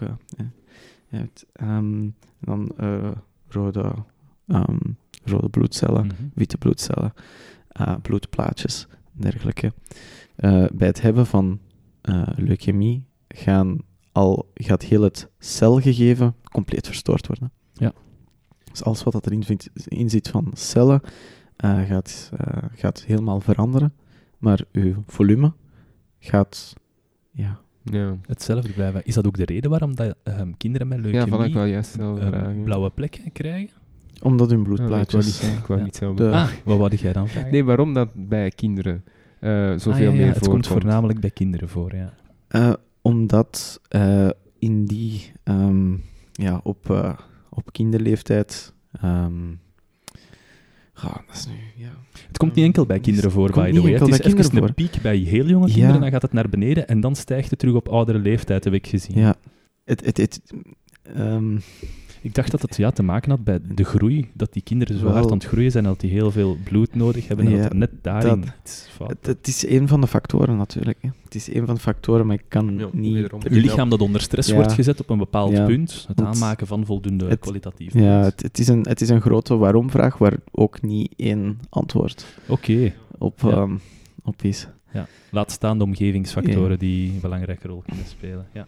Dan had ik nog een vraag over botkanker. Hè? Als, je, als je het zo, als je leukemie omschrijft hè, als het probleem daar met die stamcellen in je beenmerg, mhm. ehm, dan lijkt dat mijn vorm van botkanker te zijn, maar dat is dan niet zo. Nee, nee. want je kunt ook ja, osteosarcomen hebben. Uh, dat zijn dan dus de, van zodra dat die weefsels, dus die um, botcellen, uh, ongecontroleerd beginnen te groeien. Ja dan, ehm, en dus niet meer die normale uh, functie gaan uitvoeren waarin dat ze groeien, verkalken, groeien, verkalken en zich... Um, ah, zoals een boom eigenlijk. Ja. ja. Um, waarin dat ze niet die uh, natuurlijke functie hebben die ze natuurlijk vanuit nature toebedeeld hebben gekregen, waarin dat ze ja, hun functie is om rigide te zijn, stabiliteit te bieden. Mm gaan zij, en zij ongecontroleerd gaan beginnen groeien, um, gaan zij ook uh, gewoon heel fragiele structuren vormen eigenlijk. Dat is waarom dat je zijn, potbreuken, dus, ja. ja. Omdat ze niet die, die natuurlijke functie hebben behouden van het, uh, het bieden van steun. En kunt je dan een metastase van een botkanker uh, krijgen? Dat, u, dat een stukje bot zich ergens anders... Dus... Niet als stuk bot, wel als, als tumor. Dat, ja, ja, ja, ja. Maar het is dus mogelijk om een metastase van een bottumor te hebben, die dat dan... Wel, binnen in mijn praxis zou ik daar niet tegenkomen, maar ik veronderstel... Ja, ik, weet, ik eh, weet de vragen die dat aan u stellen, die, zijn heel ruim. Hè? Ja. Ja, Oké. Nee, maar ik vind wel dit gesprek, het is, het is complex, maar het geeft wel een heel globaal overzicht over de, de, wat dat er nu net allemaal van aan is. En dan komen we eigenlijk aan, aan, aan uw, uw niche. Hè. Ik had al gezegd op voorhand, we gaan het hebben over baarmoederhalskanker, maar het is dus niet de baarmoederhals, maar het is baarmoederkanker. Baarmoederkanker, Oké. Kunt je mij eens het verschil uitleggen en wat dat uw niche is binnen die baarmoederkanker? Wel, um, dus waar, het, waar het onderzoek dat ik doe over gaat. Ehm, wel, dus enerzijds um, leg ik mij toe op uh, de diagnostiek van baarmoederkanker met echografie, gynaecologische echografie. Um, In het, de mate waarin dat we bepaalde echo-kenmerken kunnen toeschrijven aan agressiviteit. dat is, dus jij moet proberen te lezen aan de hand van wat dat je ziet op het scherm, waar dat het over gaat. Ja, eigenlijk een soort predictie maken van wat dat er als uh, via, uiteindelijk via de patholoog zou kunnen uitkomen, want de pathologische diagnose is nog altijd, allee, dus het weefsel, de weefseldiagnose onder de microscoop is nog altijd de gouden standaard. Ja, ja. Um, dus eigenlijk... Maar wat is baarmoederkanker dan juist? Ja, baarmoederkanker is het ongecontroleerd beginnen groeien van cellen die daar de binnenste afleiding van de baarmoeder uitmaken. Dus echt het baarmoederslijmvlies. Dat wat dat in de menstruatie naar buiten Ja, ja juist. En dat is daar dat eitje zich nestelt. Kan nestelen, ja. ja. Oké. Ja, inderdaad. Um, wat is dan het verschil met een baarmoederhals? Wel, dus de baarmoederhals is um, wel echt puur anatomisch gezien um, is datgene aan, aan de buitenzijde, echt het, het uiteinde. Nu, De verbinding met... Ja, op um, heel uh, rudimentair met het blote oog is het verschil één, allee, dus van de, de, uh, de bekleding, de, buiten, um, de buitenzijde, dus slijmvliesbekleding, mm. ziet je al discreet als anders. Okay. Um, omdat die ook blootgesteld is, de baarmoederhals is blootgesteld aan heel andere chemische compositie, veel zuurdere omgeving dan, de, dan het baarmoederslijmvlies. En vormt eigenlijk, eigenlijk een soort, het is eigenlijk de, um, de, de gate to. Ja, oké. Okay. Uh, ja. toegangspoort. Ja. Oké. Okay. Um, en heeft daarom ook an, heeft ander slijmvlies als reactie uh, daarop en is, uh, heeft slijmvlies dat veel beter aangepast is aan dat milieu. Uh, dat milieu dat ook op zichzelf ook nog eens een bescherming vormt ja. Um, tegen heel veel omgevende, um, allee, uitwendige ja, ja, insulten. Ja. Um, en waarom eigenlijk baarmoederkanker? of je hebt eerst gynaecologie gekozen als richting mm -hmm. en dan is eruit voortgevloeid oncologie of Um, wel, um, ik, uh, ik heb in, in eerste half jaar um, uh, mijn gewoon assistentschap. Gynaecologie. Gynaecologie ja. gedaan. En dan had ik het geluk dat ik werd aangesproken door mijn promotor. En gevraagd werd van ja, kijk, er is een heel interessant topic. dat enerzijds waarin dat we enerzijds ja, baarmoederkanker willen diagnosticeren. Um, of ja. beter typeren met echografie. Maar anderzijds ook een, is er een project um, dat, uh, dat ik heb, allee, wat dat voor interessant kan zijn, um, uh, om onderzoek op te doen in labo, in labo-setting. Mm -hmm. waarin dat waarin we eigenlijk baarmoedercellen in, uh, uh, in een petrischaal onderzoeken. Dat is dan al curatief dat we nu bezig zijn? Of? Ja, ja, want mijn, okay, dus mijn doctoraat bestaat, allee, heeft twee grote pijlers. Hè. Dus enerzijds het echo gebeuren. Ja. Dus, um, dus dat is medische beeldvorming dan? Dat is medische beeldvorming. dat is echt op zich dat je dan gewoon gaat... Um, je, je, uh, allee, dat is met zoiets een ding op je buik, een zalfje op je buik. Is dat en ultrasound? Dat, ja, ultrasound. Is dat echo? Ja, dat okay. is echo. Ja. ja. oh my god. Ja, ja. Ah, ja. En dan ga jij op het scherm zien van... Wel, dus... Uh, Want dat lijkt altijd in de films kan, ook het heel... Allee, helemaal niet nauwkeurig. Je ziet nauwelijks die een baby. Laat staan dat je daar van die kleine structuren moet... Wel, ehm, maar dus we, we kunnen het via de buik bekijken, maar we mhm. weten, we zijn ons heel erg bewust van de tekortkoming in resonantie ja. en penetratie. Ja. van, uh, van echo's langs de buik.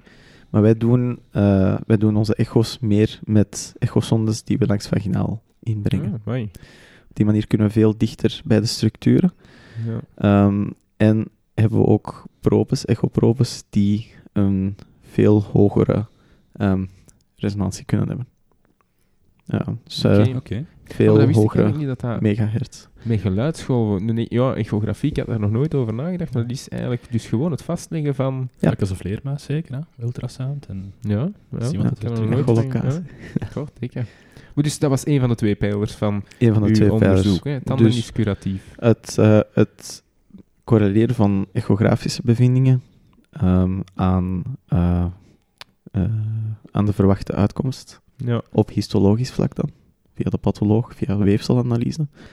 Um, enerzijds en anderzijds het onderzoeken van um, kankerstamcellen van baarmoederkanker in het laboratorium, waarbij dat er een nieuwe uh, cultuurtechniek wordt aangewend um, die, uh, die nou, nog nauwkeuriger, um, allee, nog beter uw cellen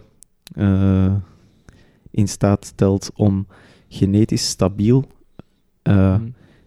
uit te groeien, zonder dat er één bepaalde tumorkloon complete overhand neemt. Dus geen genetische drift van uw cellen.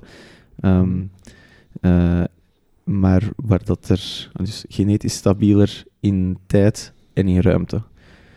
Dus, um, en dat dankzij het in 3D in cultuur brengen van uw, uh, van, van uw cellen. Die techniek hebben ze organoids, organoidformatie genoemd. Dat is in 2009 in, een Nederland, in het Nederlandse labo in Utrecht het Hubrecht Instituut is die techniek uh, tot mhm. ontwikkeling gekomen. in 2009 is daar eerst over gepubliceerd geweest.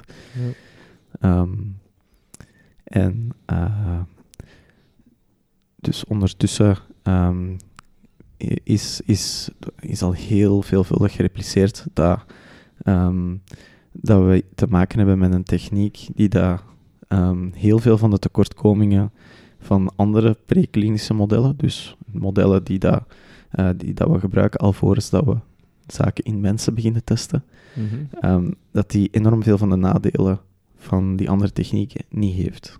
Het heeft zijn eigen set nadelen, maar mm -hmm. het, uh, heeft, het heeft heel veel um, nade uh, nadelen overwonnen die dat anderen niet hebben. Oké. Okay. Okay.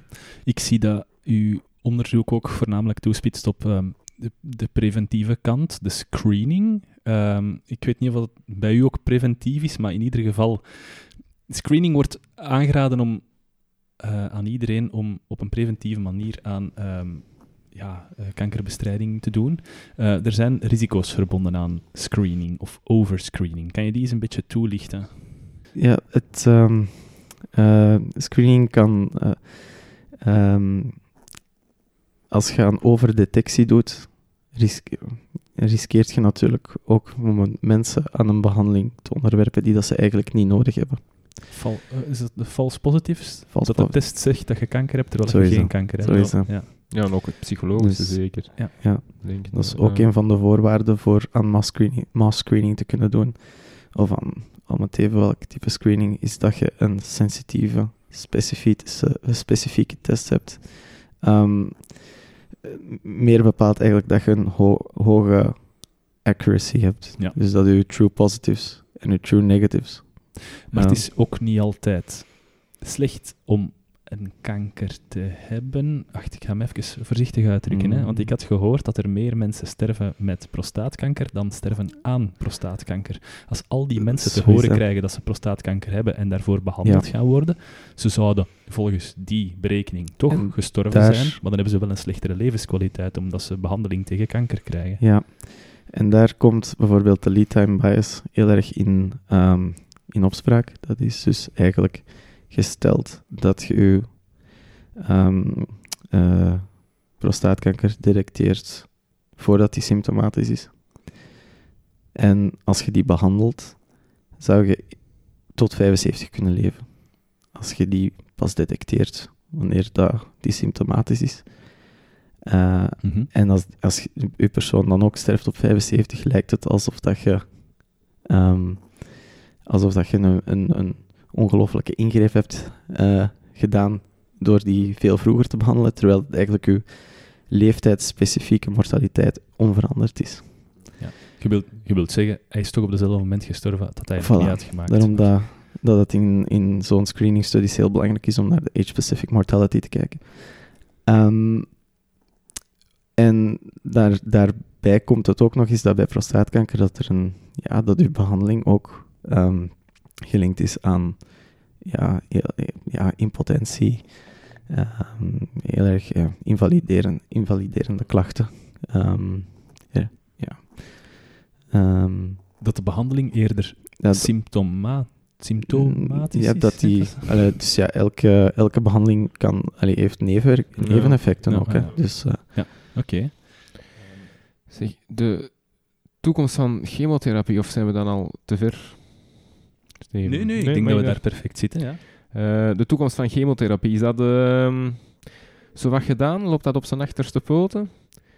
Want wat is chemotherapie eigenlijk? Hè? Dat wordt altijd gelinkt aan kanker ik heb kanker, ja, dan zal er wel chemotherapie worden voor. Ik kan anders gewoon eens zeggen hoe dat de leek denkt uh, over chemo. Hè? Ja. Dus zijnde ik, ik denk dat chemo een bakster is, hè? Dat, dat beeld hebben we dan allemaal. Mm -hmm, ja. uh, dat uw hele systeem op een of andere manier plat ligt. Uh, en waar ook je hele immuunsysteem plat ligt, maar toevallig ook de kanker meeneemt, waardoor dat je terug opnieuw kunt beginnen. Dat lijkt mij chemo te zijn, je lichaam fysiek afmatten en de kanker ook kapot maken, en dan kun je beginnen van terug opnieuw. Maar dat is heel kort door de bocht en waarschijnlijk ook fout. Wat chemotherapie is inderdaad uh, in, in Baxter's uh, gegeven en het heeft als doelwit de snelstelende cellen. Um, Aha, sneldelende cellen. De sneldelende cellen dat uw haar kleiner te maken. valt en uw nagels niet meer groeien of zo. En dat, darmklachten en dergelijke ook. En, uh, ja. Ik heb gelezen dat dat uh, blijkbaar is ontdekt, chemotherapie, na, na de Eerste Wereldoorlog. Dat dat met mosterdgas te maken... Dus een mosterdgas was uiteindelijk ja, als chemisch wapen. Hm. Dat men dan heeft ontdekt dat dat ook een invloed had op celdelingen en dat dat uiteindelijk... Alleen, dus je moet je voorstellen dat wij eigenlijk chemotherapie, dat is gewoon wat mosterdgas. Allee, eh, ik, ik stel het nu heel ah, simpel voor, maar qua, qua, rudimentair gehalte eigenlijk van die behandelingen... Ik, ik, dacht dat je ging zeggen, wat is er goed aan de Eerste Wereldoorlog? en dan ja, voilà, dat we. Ja, oké, okay, ja, we kunnen inderdaad ook anders bekijken. Nee, maar, maar te zeggen, eigenlijk, dat is zeer rudimentair. Het is niet dat een gesofisticeerde uh, behandeling is.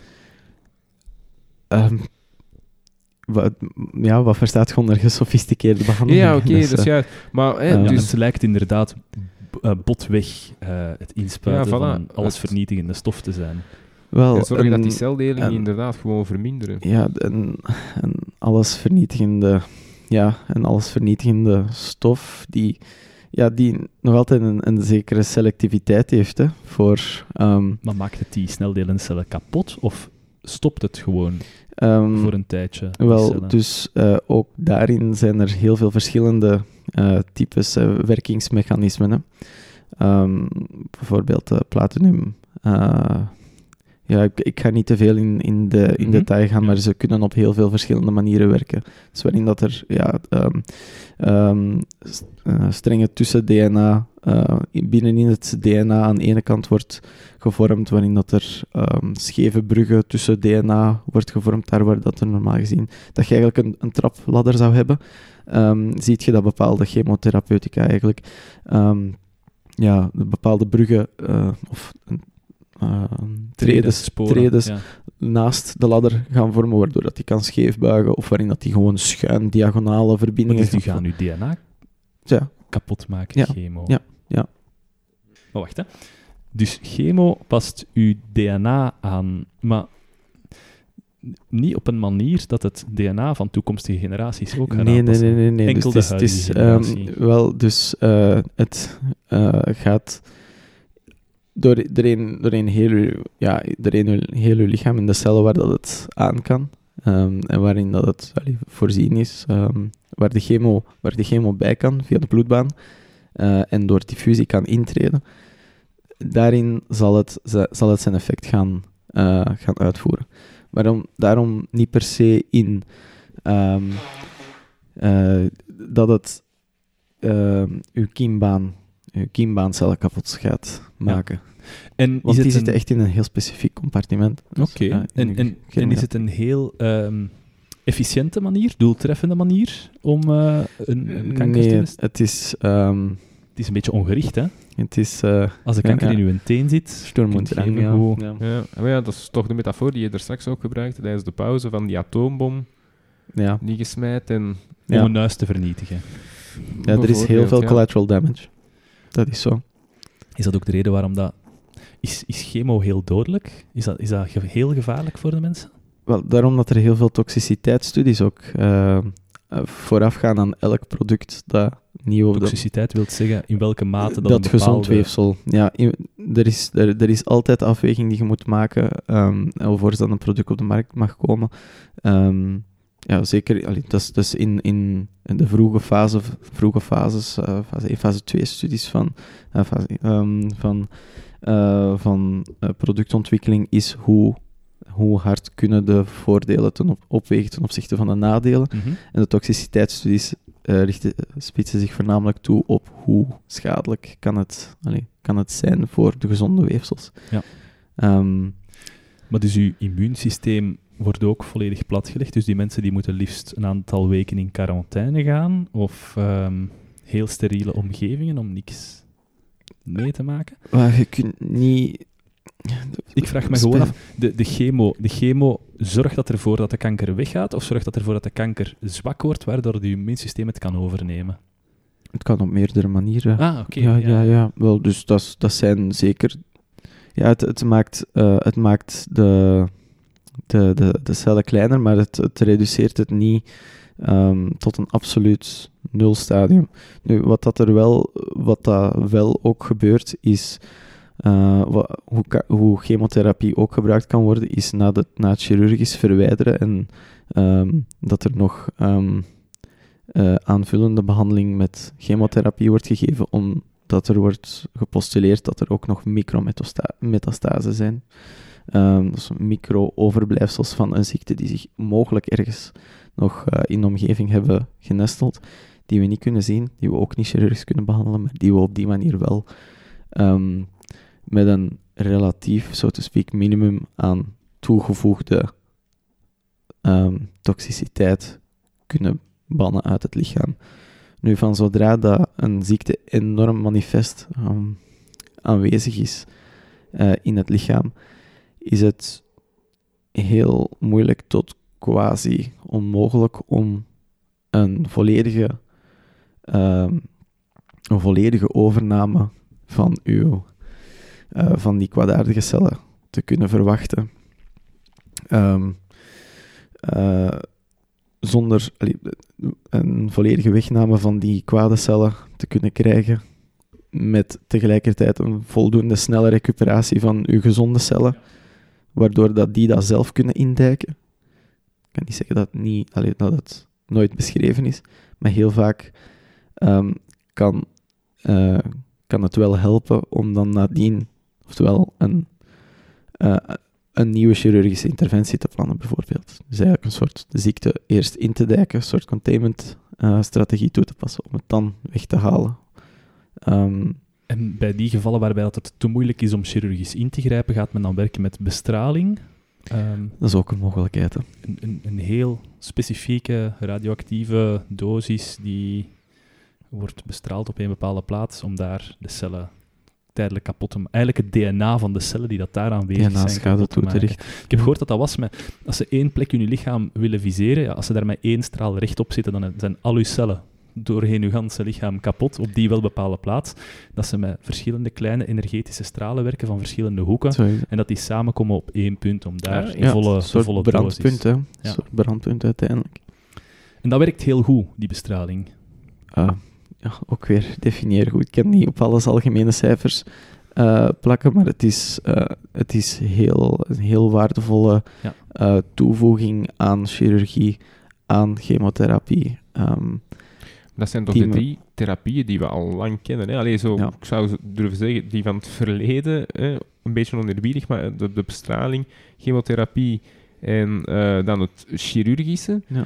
Maar nu zitten we toch meer en meer in de fase dat we op zo'n klein niveau kunnen gaan werken, dat er andere therapieën, hè, echt op celniveau, nanotechnologie, uh, CRISPR, dat we echt andere behandelingen... Ah, ik dacht dat je naar immuuntherapie aan het gaan Ja, ja, daar was ik naartoe aan het gaan. Ah, nee, en dus ook... Uh, maar immuuntherapie is toch ook inderdaad cellen die je dan aftapt uit het lichaam en dan ook weer opkweekt om die beter te maken, om die sterker te maken? Er zijn meerdere ehm, vormen van immuuntherapie, dat is ook weer een, een verzamelterm, immuuntherapie. Um, er is Waarvoor al... staat dat in het kort, immuuntherapie? Is dat uw eigen immuunsysteem in staat stellen om de kanker aan te pakken? Geloof, ja, zo, zo. Dus waar dat we daarnet hadden gezegd dat in ja. uw immuunsysteem heel veel kankers niet detecteert, mhm. gaat het er hiervoor zorgen dat het wel detecteert? Of dat het sterk genoeg is om dat het aan te vallen? De, als, als, ja, als, bij, allez, als adjuvans eigenlijk uw, uw lichaam in staat stelt, want wat... Uh, of ja, dat is ja, een van de manieren. Eigenlijk zou je immuuntherapie gewoon kunnen. Mm, zou je het ook wel kunnen uitbreiden naar gewoon alles waar dat er immuuncellen mee uh, aan te pas komen.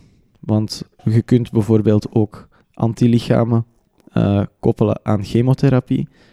Um, dat hoeven geen lichaams-eigen antistoffen te zijn, maar je kunt die um, uh, voor die antilichamen die dat je dan koppelt aan chemotherapie, die kunnen zich dan een weg zoeken naar datgene waar dat ze toe aangetrokken zijn. Dus eigenlijk, zij zijn de sleutel en ze zoeken het sleutelgat uh, dat eigenlijk bepaald wordt door een receptor die op die cel tot uiting wordt gebracht. De cel in uh, de gewenste cel tot uiting wordt gebracht om dan heel lokaal chemotherapie te gaan afleveren. Dat is één, dat is één variant.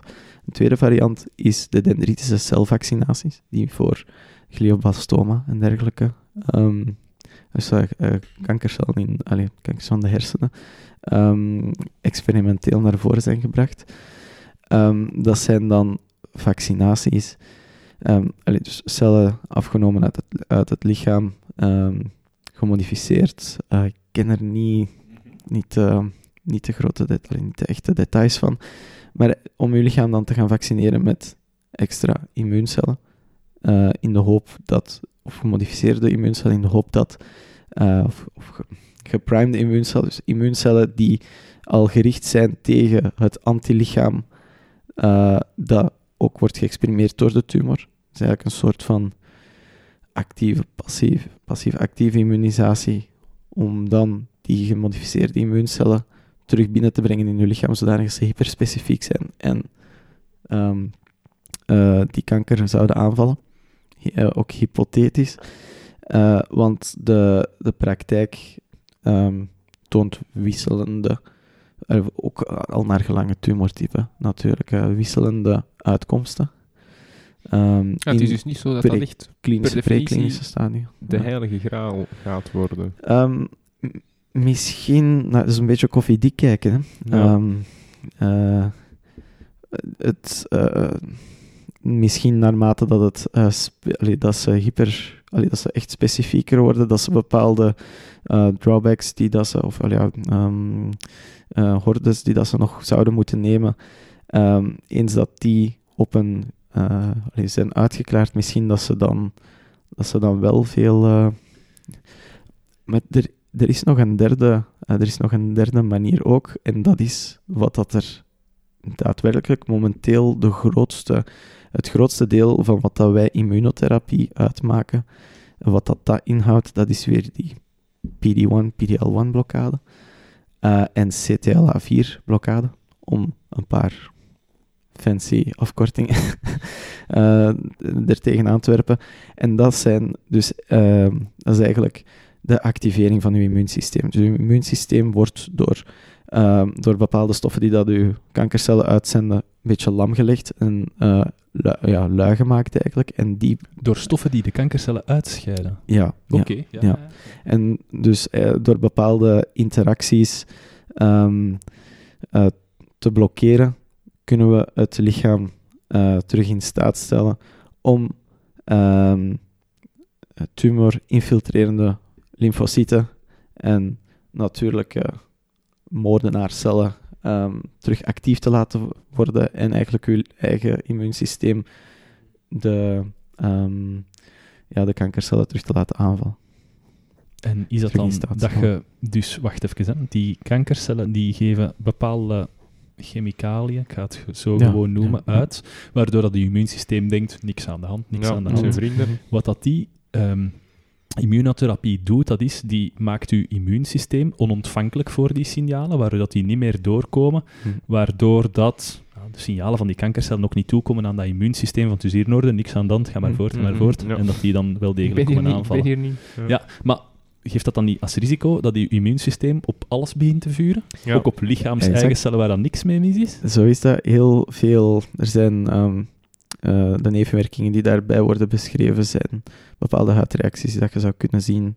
Um, zoals iemand die, alleen, dus eigenlijk die, uh, de, um, uh, de aanmakende huidcellen, die, die melanocyten aan, aanvalt, waardoor dat je um, huidverkleuringen krijgt. Uh, kan ook antis, allez, antistoffen die uh, kunnen gemaakt worden die als nevenwerkingen dat de schildklier wordt aangevallen of dat de pijnappel, niet de pijnappelklier, maar de, de hypofyse um, wordt, uh, wordt aangevallen.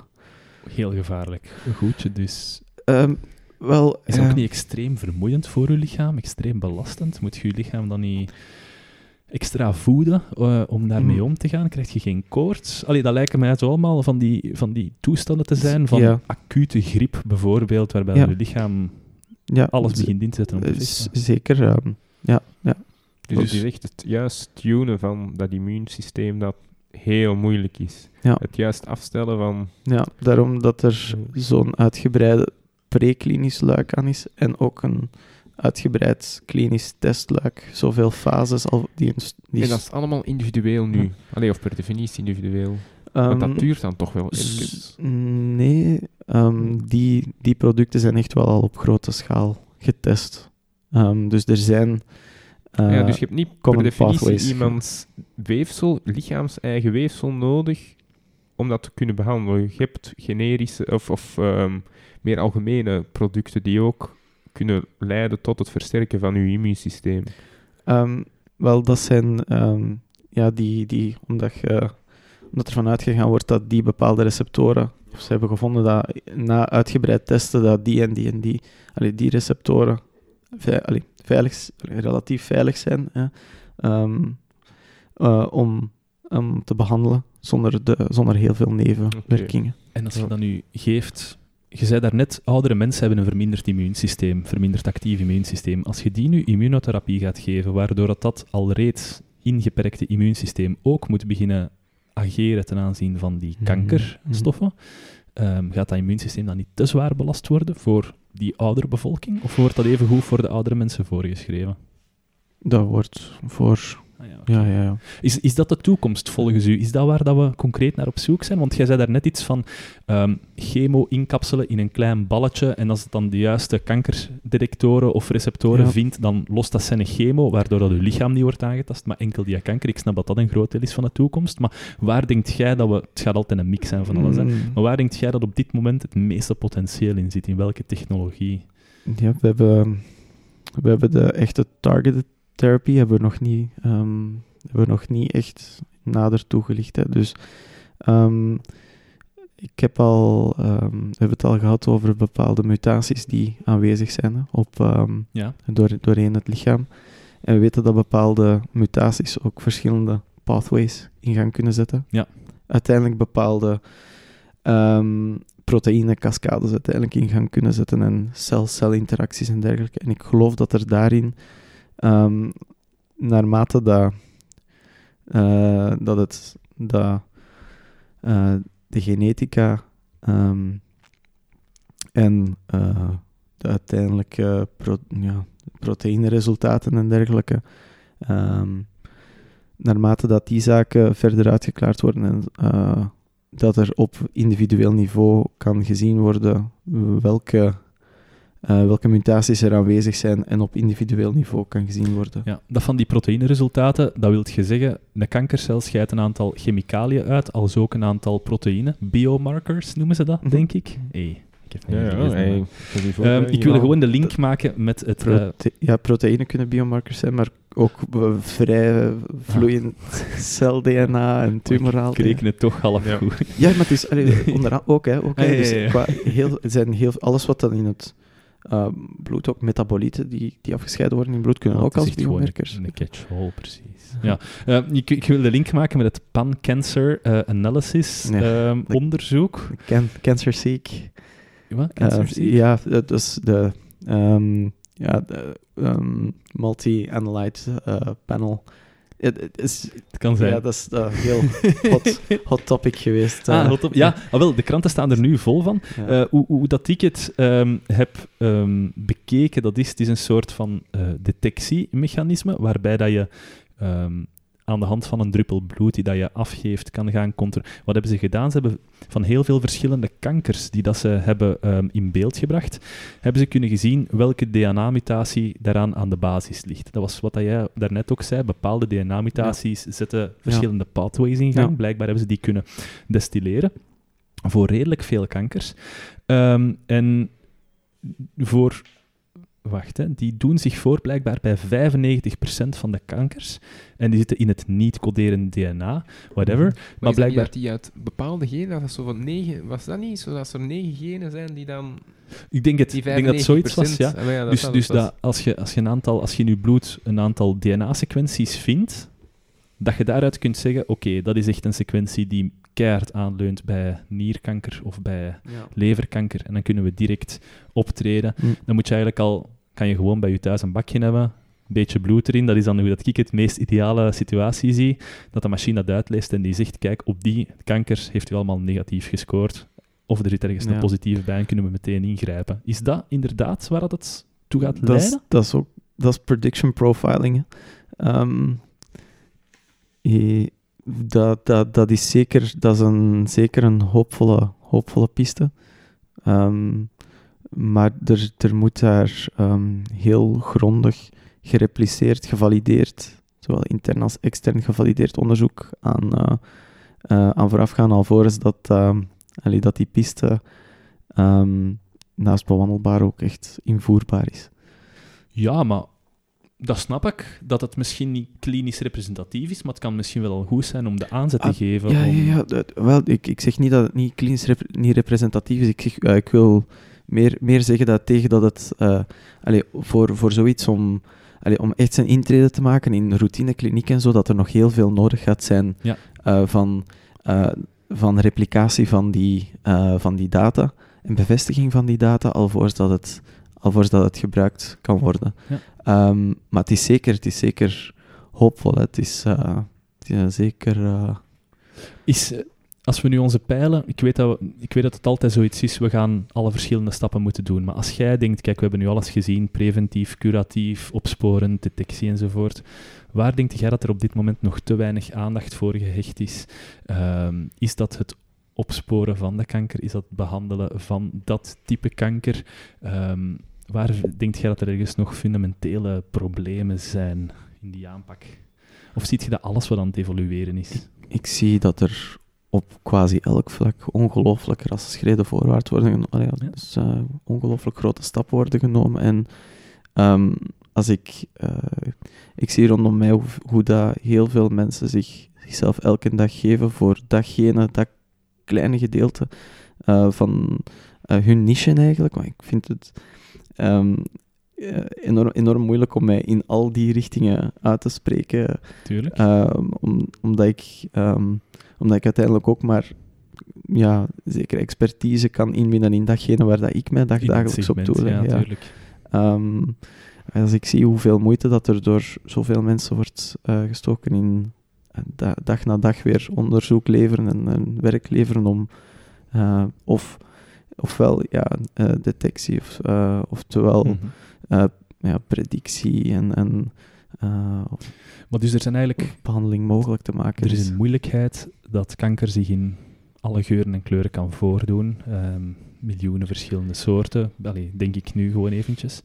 Maar wat dat mij wel geruststelt na dit gesprek, is dat ehm, als we het hebben over een kanker of een metastase, dat je het allemaal kunt terugbrengen naar één eh, patient zero, één cel waar dat het allemaal begonnen is. Dat is ook die zoektocht waar jij over spreekt in je onderzoek.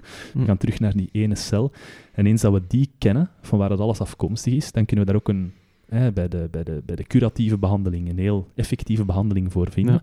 En als we die kunnen matchen, ze kan verspreid zitten over je hele lichaam, maar als we die hebben, en we kunnen dat koppelen aan een juiste receptor waar, dat je, waar dat we blijkbaar hm, mee bezig hm. zijn, dat chemoballetje dat in je lichaam op zoek gaat, dan stelt dat mij op een of andere manier toch gerust dat de toekomst in de strijd tegen kanker er rooskleurig uitziet. Dan lijkt het eerder de toekomstige doodsoorzaken, eerder infecties te gaan van, van bijvoorbeeld bacteriën die, die, die resistent oh, worden met tegen multiresistentie.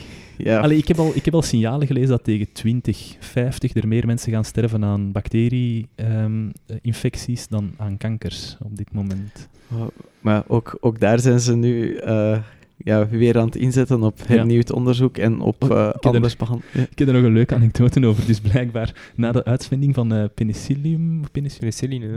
Penicilline, Alexander Fleming. Alexander Fleming. Ah, wel, daarna is dat ontwikkeld en bleek, bleek, dat zo effectief te zijn dat iedereen zijn academisch onderzoek daarna is stopgezet. Ah, ja. En dan zijn ze dan nu terug from scratch moeten beginnen doen, want niemand, al die onderzoekers, ja, die zijn al lang gestorven of op pensioen. Echt, dat heeft 100 jaar stilgelegen Ja, blijkbaar heeft dat zo lang stilgelegen. Mooi ja, of bijna stilgelegen. Hè. sorry, ik heb je onderbroken. Ja, maar waarschijnlijk inderdaad miljarden die naar kankeronderzoek vloeien. Dat is waarschijnlijk allee, ongelooflijk, het, geld. En het gaat noodzakelijk blijven. Hè? Ja, het, absoluut. Ja, ja, tuurlijk, tuurlijk, dat betwist ik niet. Maar dus in vergelijking dan maar, uh, met, met, uh, met onderzoek naar ja, uh, bacteriën, is dat, is dat waarschijnlijk ja, een factor. Um, we kunnen natuurlijk ook zelf iets doen om kanker te vermijden. Er was een, een checklist van 12 punten die dat de Wereldgezondheidsorganisatie aanraadde. Punt 1 was niet roken. Ten tweede, het creëren van een rookvrije omgeving. Dan denk ik, ja, oké, dat is hetzelfde. Niet drinken, ehm, gezond leven. Dat blijkt toch allemaal... Gezond leven. Gezond leven, veel bewegen enzovoort. Ah, Ik vermoed dat dat is om een gezond werkend immuunsysteem te hebben enzovoort. Um, een van de elementen was ook gezond eten. En, um, nu gaat het komen. Ja, de, Wouter. Vlaamse Wouter. Zet u het af, zet u het af, want het gaat niet, het meneer, niet leuk worden. Meneer Beke vond het uh, nodig om 500.000 euro te investeren in een Vlaamse kook-app waar allerlei interessante gerechtjes stonden om gezond te leven, rekening houdend met de nieuwe voedseldriehoek, hè, de nieuwe voedingspyramide, die wat op zijn kop is geplaatst, omdat we minder carbs moeten eten. Um, Uiteraard is iedereen daar verbolgen over dat er daar 500.000 euro naartoe is gegaan, want daar kun je toch twee doctoraatstudenten een aantal jaar mee laten werken. Zwat... Op overheidscontracten en zo. Ook. Ja. ja, daar is de mensheid iets daar, mee, ja. Daar is het te doen. Um, terwijl dat, kom op tegen kanker, op hun website uh, echt heel veel gerechtjes hebben, die daar zeker en vast goed zijn voor um, kanker bijvoorbeeld te voorkomen, maar ook voor mensen met kanker, dus uh, die al rekening houdt met de verminderde smaak van die mensen, ah, of de andere Dat is ook wat je zei, die suiker die je dan gevaar... Allee, die, die, suiker weghalen, ja, oké, maar het is ook uh, mensen die dan chemokuur volgen bijvoorbeeld, die hebben een andere smaak en dat is daar dan op uh, ingespeeld. Dus kom op tegen kanker heeft al liggen, maar toch vond Waterbeek het nodig om zelf iets te maken.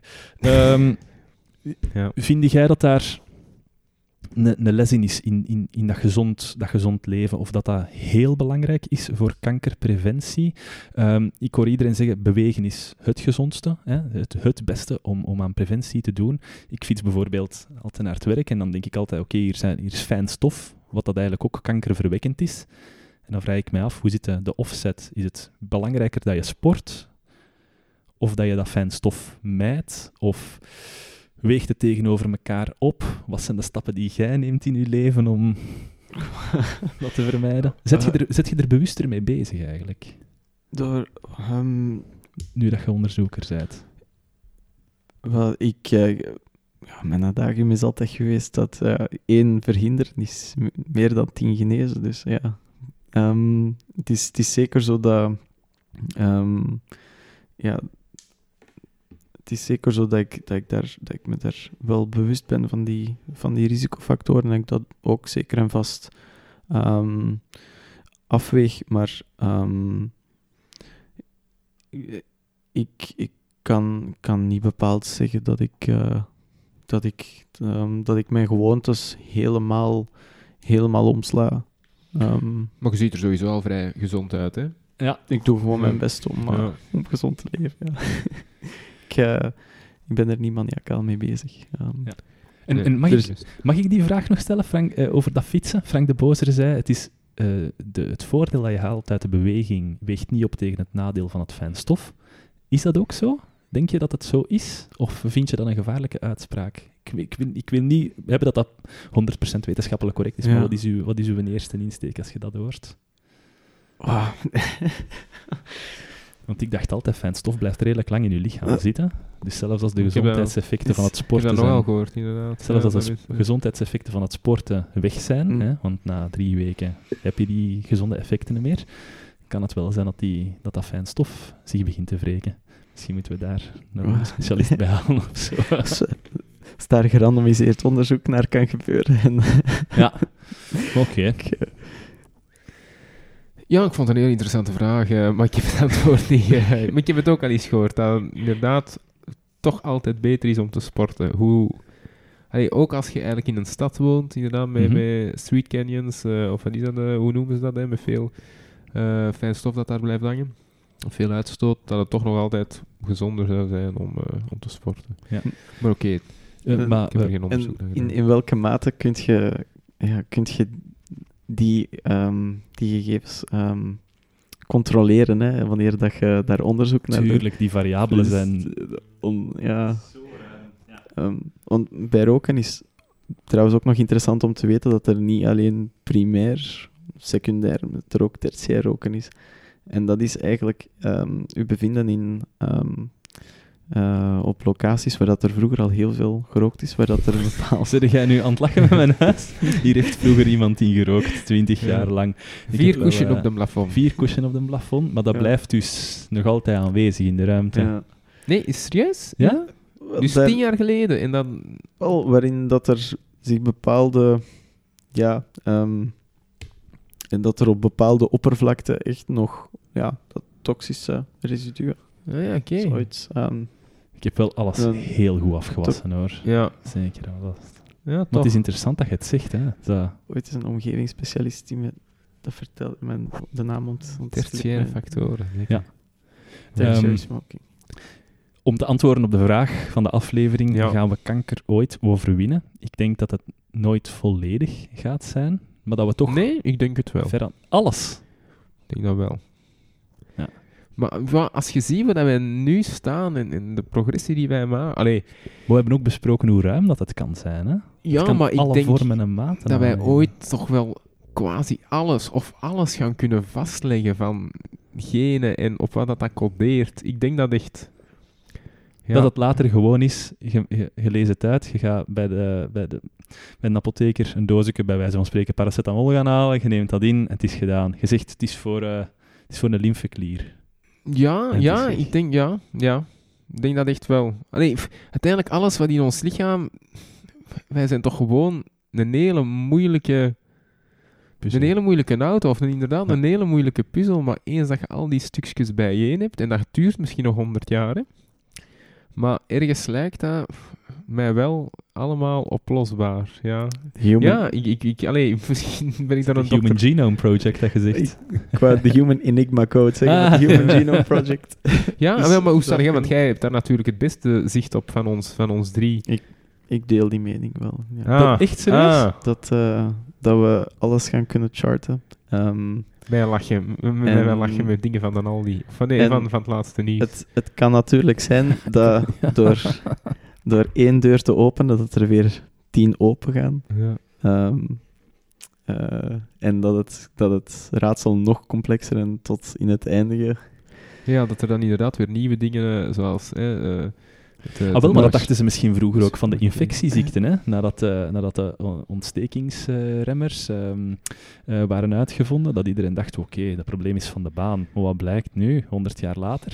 Ja, maar toen kenden we ons lichaam ook nog niet, hè? Allee, toen, die behandeling is toch helemaal aan... Toen deden we niet en dat werkte. En oké, maar nu zijn wij toch echt zo aan het kijken naar de oorzaken en naar het, het. Ja, ik vind, ik vind het fascinerend wat men aan het doen is, maar het lijkt mij... Ja, ja ik, ik vraag mij echt af, dat is de vraag die ik mij vaak stel, van het verouderingsproces en et cetera, gaan we daar ooit antwoorden op vinden? Ja, maar dat vraag ik, dat vraag ik mij echt af. Omdat dat is toch ook, een verouderingsproces is toch ook gewoon inderdaad een proces van ja, cellen die, die degenereren of wat is het allemaal, maar dan moeten we, we dan ook gezien in die voorbereiding van CRISPR dat er um, op ja, muizen al zo'n gen is uitgeschakeld voor de veroudering. Ja. Dat, dat, dat, je die zag staan naast zijn broertje van twee jaar of zoiets, die muis. En die zag er echt nog, ik weet niet, jong uit. Ja, wel, maar ik denk echt, ja. ja. Ik denk uh, dat we daar nog dingen gaan zien. Misschien niet in ons leven, hè, maar ik hoop het wel eigenlijk. Om het nog complexer te maken, er is ook uh, senescentio, dus uh, het... het ouder worden of het uittoven beschreven bij kankercellen. Dus ah, echt? Aging bij kankercellen, maar dat dan net... Uh, hele korte termijn dan net toch? verweven is met resistentiemechanismen en dat dan net... Uh, um, oh, ja, ja dat dat kankercellen misschien net um, weerstandiger en sterker maakt. Ja, ja je, moet, allez, ik vind, je moet altijd denken, het is zo complex. En dan, waar dat we nu al staan, tegenover 100 jaar geleden, binnen 100 jaar, alleen als je een AI en alles, ja, nee, niet dat het allemaal. Uh... Ik kunt het niet doen, wat gaat in orde komen. nee, ik ga me bij het juridische. Ja, ja. alright. Let er be Het is uh, mannen zoals Ruben, die, uh, die gaan het moeten doen, hè. Die gaan het moeten doen. Ja. Als ze niet op plezierreis naar Australië niet. Ja, ja, inderdaad. Wie okay. en Ruben. Ah ja, ja. Trouwens, um, bakkerij, hoe heet de bakkerij? Schepers. Uh, Schepers. In, uh, in Tremelo, dat is het familiebedrijf van... Uh, Wereldvermaard, ja. Van Ruben. Maar hoe? Ah, het is, dat, wat deed dan Damian ermee te maken? Ik dacht dat, dat staat, daar staat een foto van, van ah, Damian okay. op uw auto. Ja. Dat, is het, dat is het logo, logo. van de bakkerij. Yes. Ja. ja dus je hebt gewoon zijn naam kunnen gebruiken als logo. Uh, zijn, zijn, gezicht kunnen gebruiken. Dat zouden we ja, ook moeten dat, doen. Je zegt dat dat gepatenteerd is. Mogen jij een, een, een, een beeldenis van een publiek persoon patenteren Ik wil dat van, van Rompuy, voor, ja. voor, voor, onze podcast. kunnen we dat patenteren? Ja, uh, blijkbaar dan wel, hè. Ja, moet kunnen. Moet kunnen. Wat, de Van Rompuy? Ja. Welke? De Nerman. Ja, gewoon omdat, omdat, zijn gezicht zo onherkenbaar was, volgens Farage, dat ik wil... Oké, okay, dan wordt dat ah, ons ja, gezicht. Ja, oké, okay, ja, ja. Ja, ja. goed. Goed, doen we. Ja. Oké, okay, ik denk dat we er zijn. Uh, ja, hoe lang, hoe lang zijn we nu bezig? Redelijk ik denk, we hebben hier echt hoe langer, hoe langer ja, ja, te, te dus op te nemen. Gemakkelijk over de twee uur. Ja. Oké, goed. Iedereen heel bedankt voor het luisteren. Ruben. vooral Ruben, bedankt om hier te zijn. Dikke merci. Geniet nog van de fles Chimay. Ik weet het, het is uh, tournee Mineral en het is een aflevering over kanker. Maar wat, hopelijk gaat hij een blauwe Chimay goed maken. Ja, maar. Alright, tot de volgende keer. Ciao. Ciao.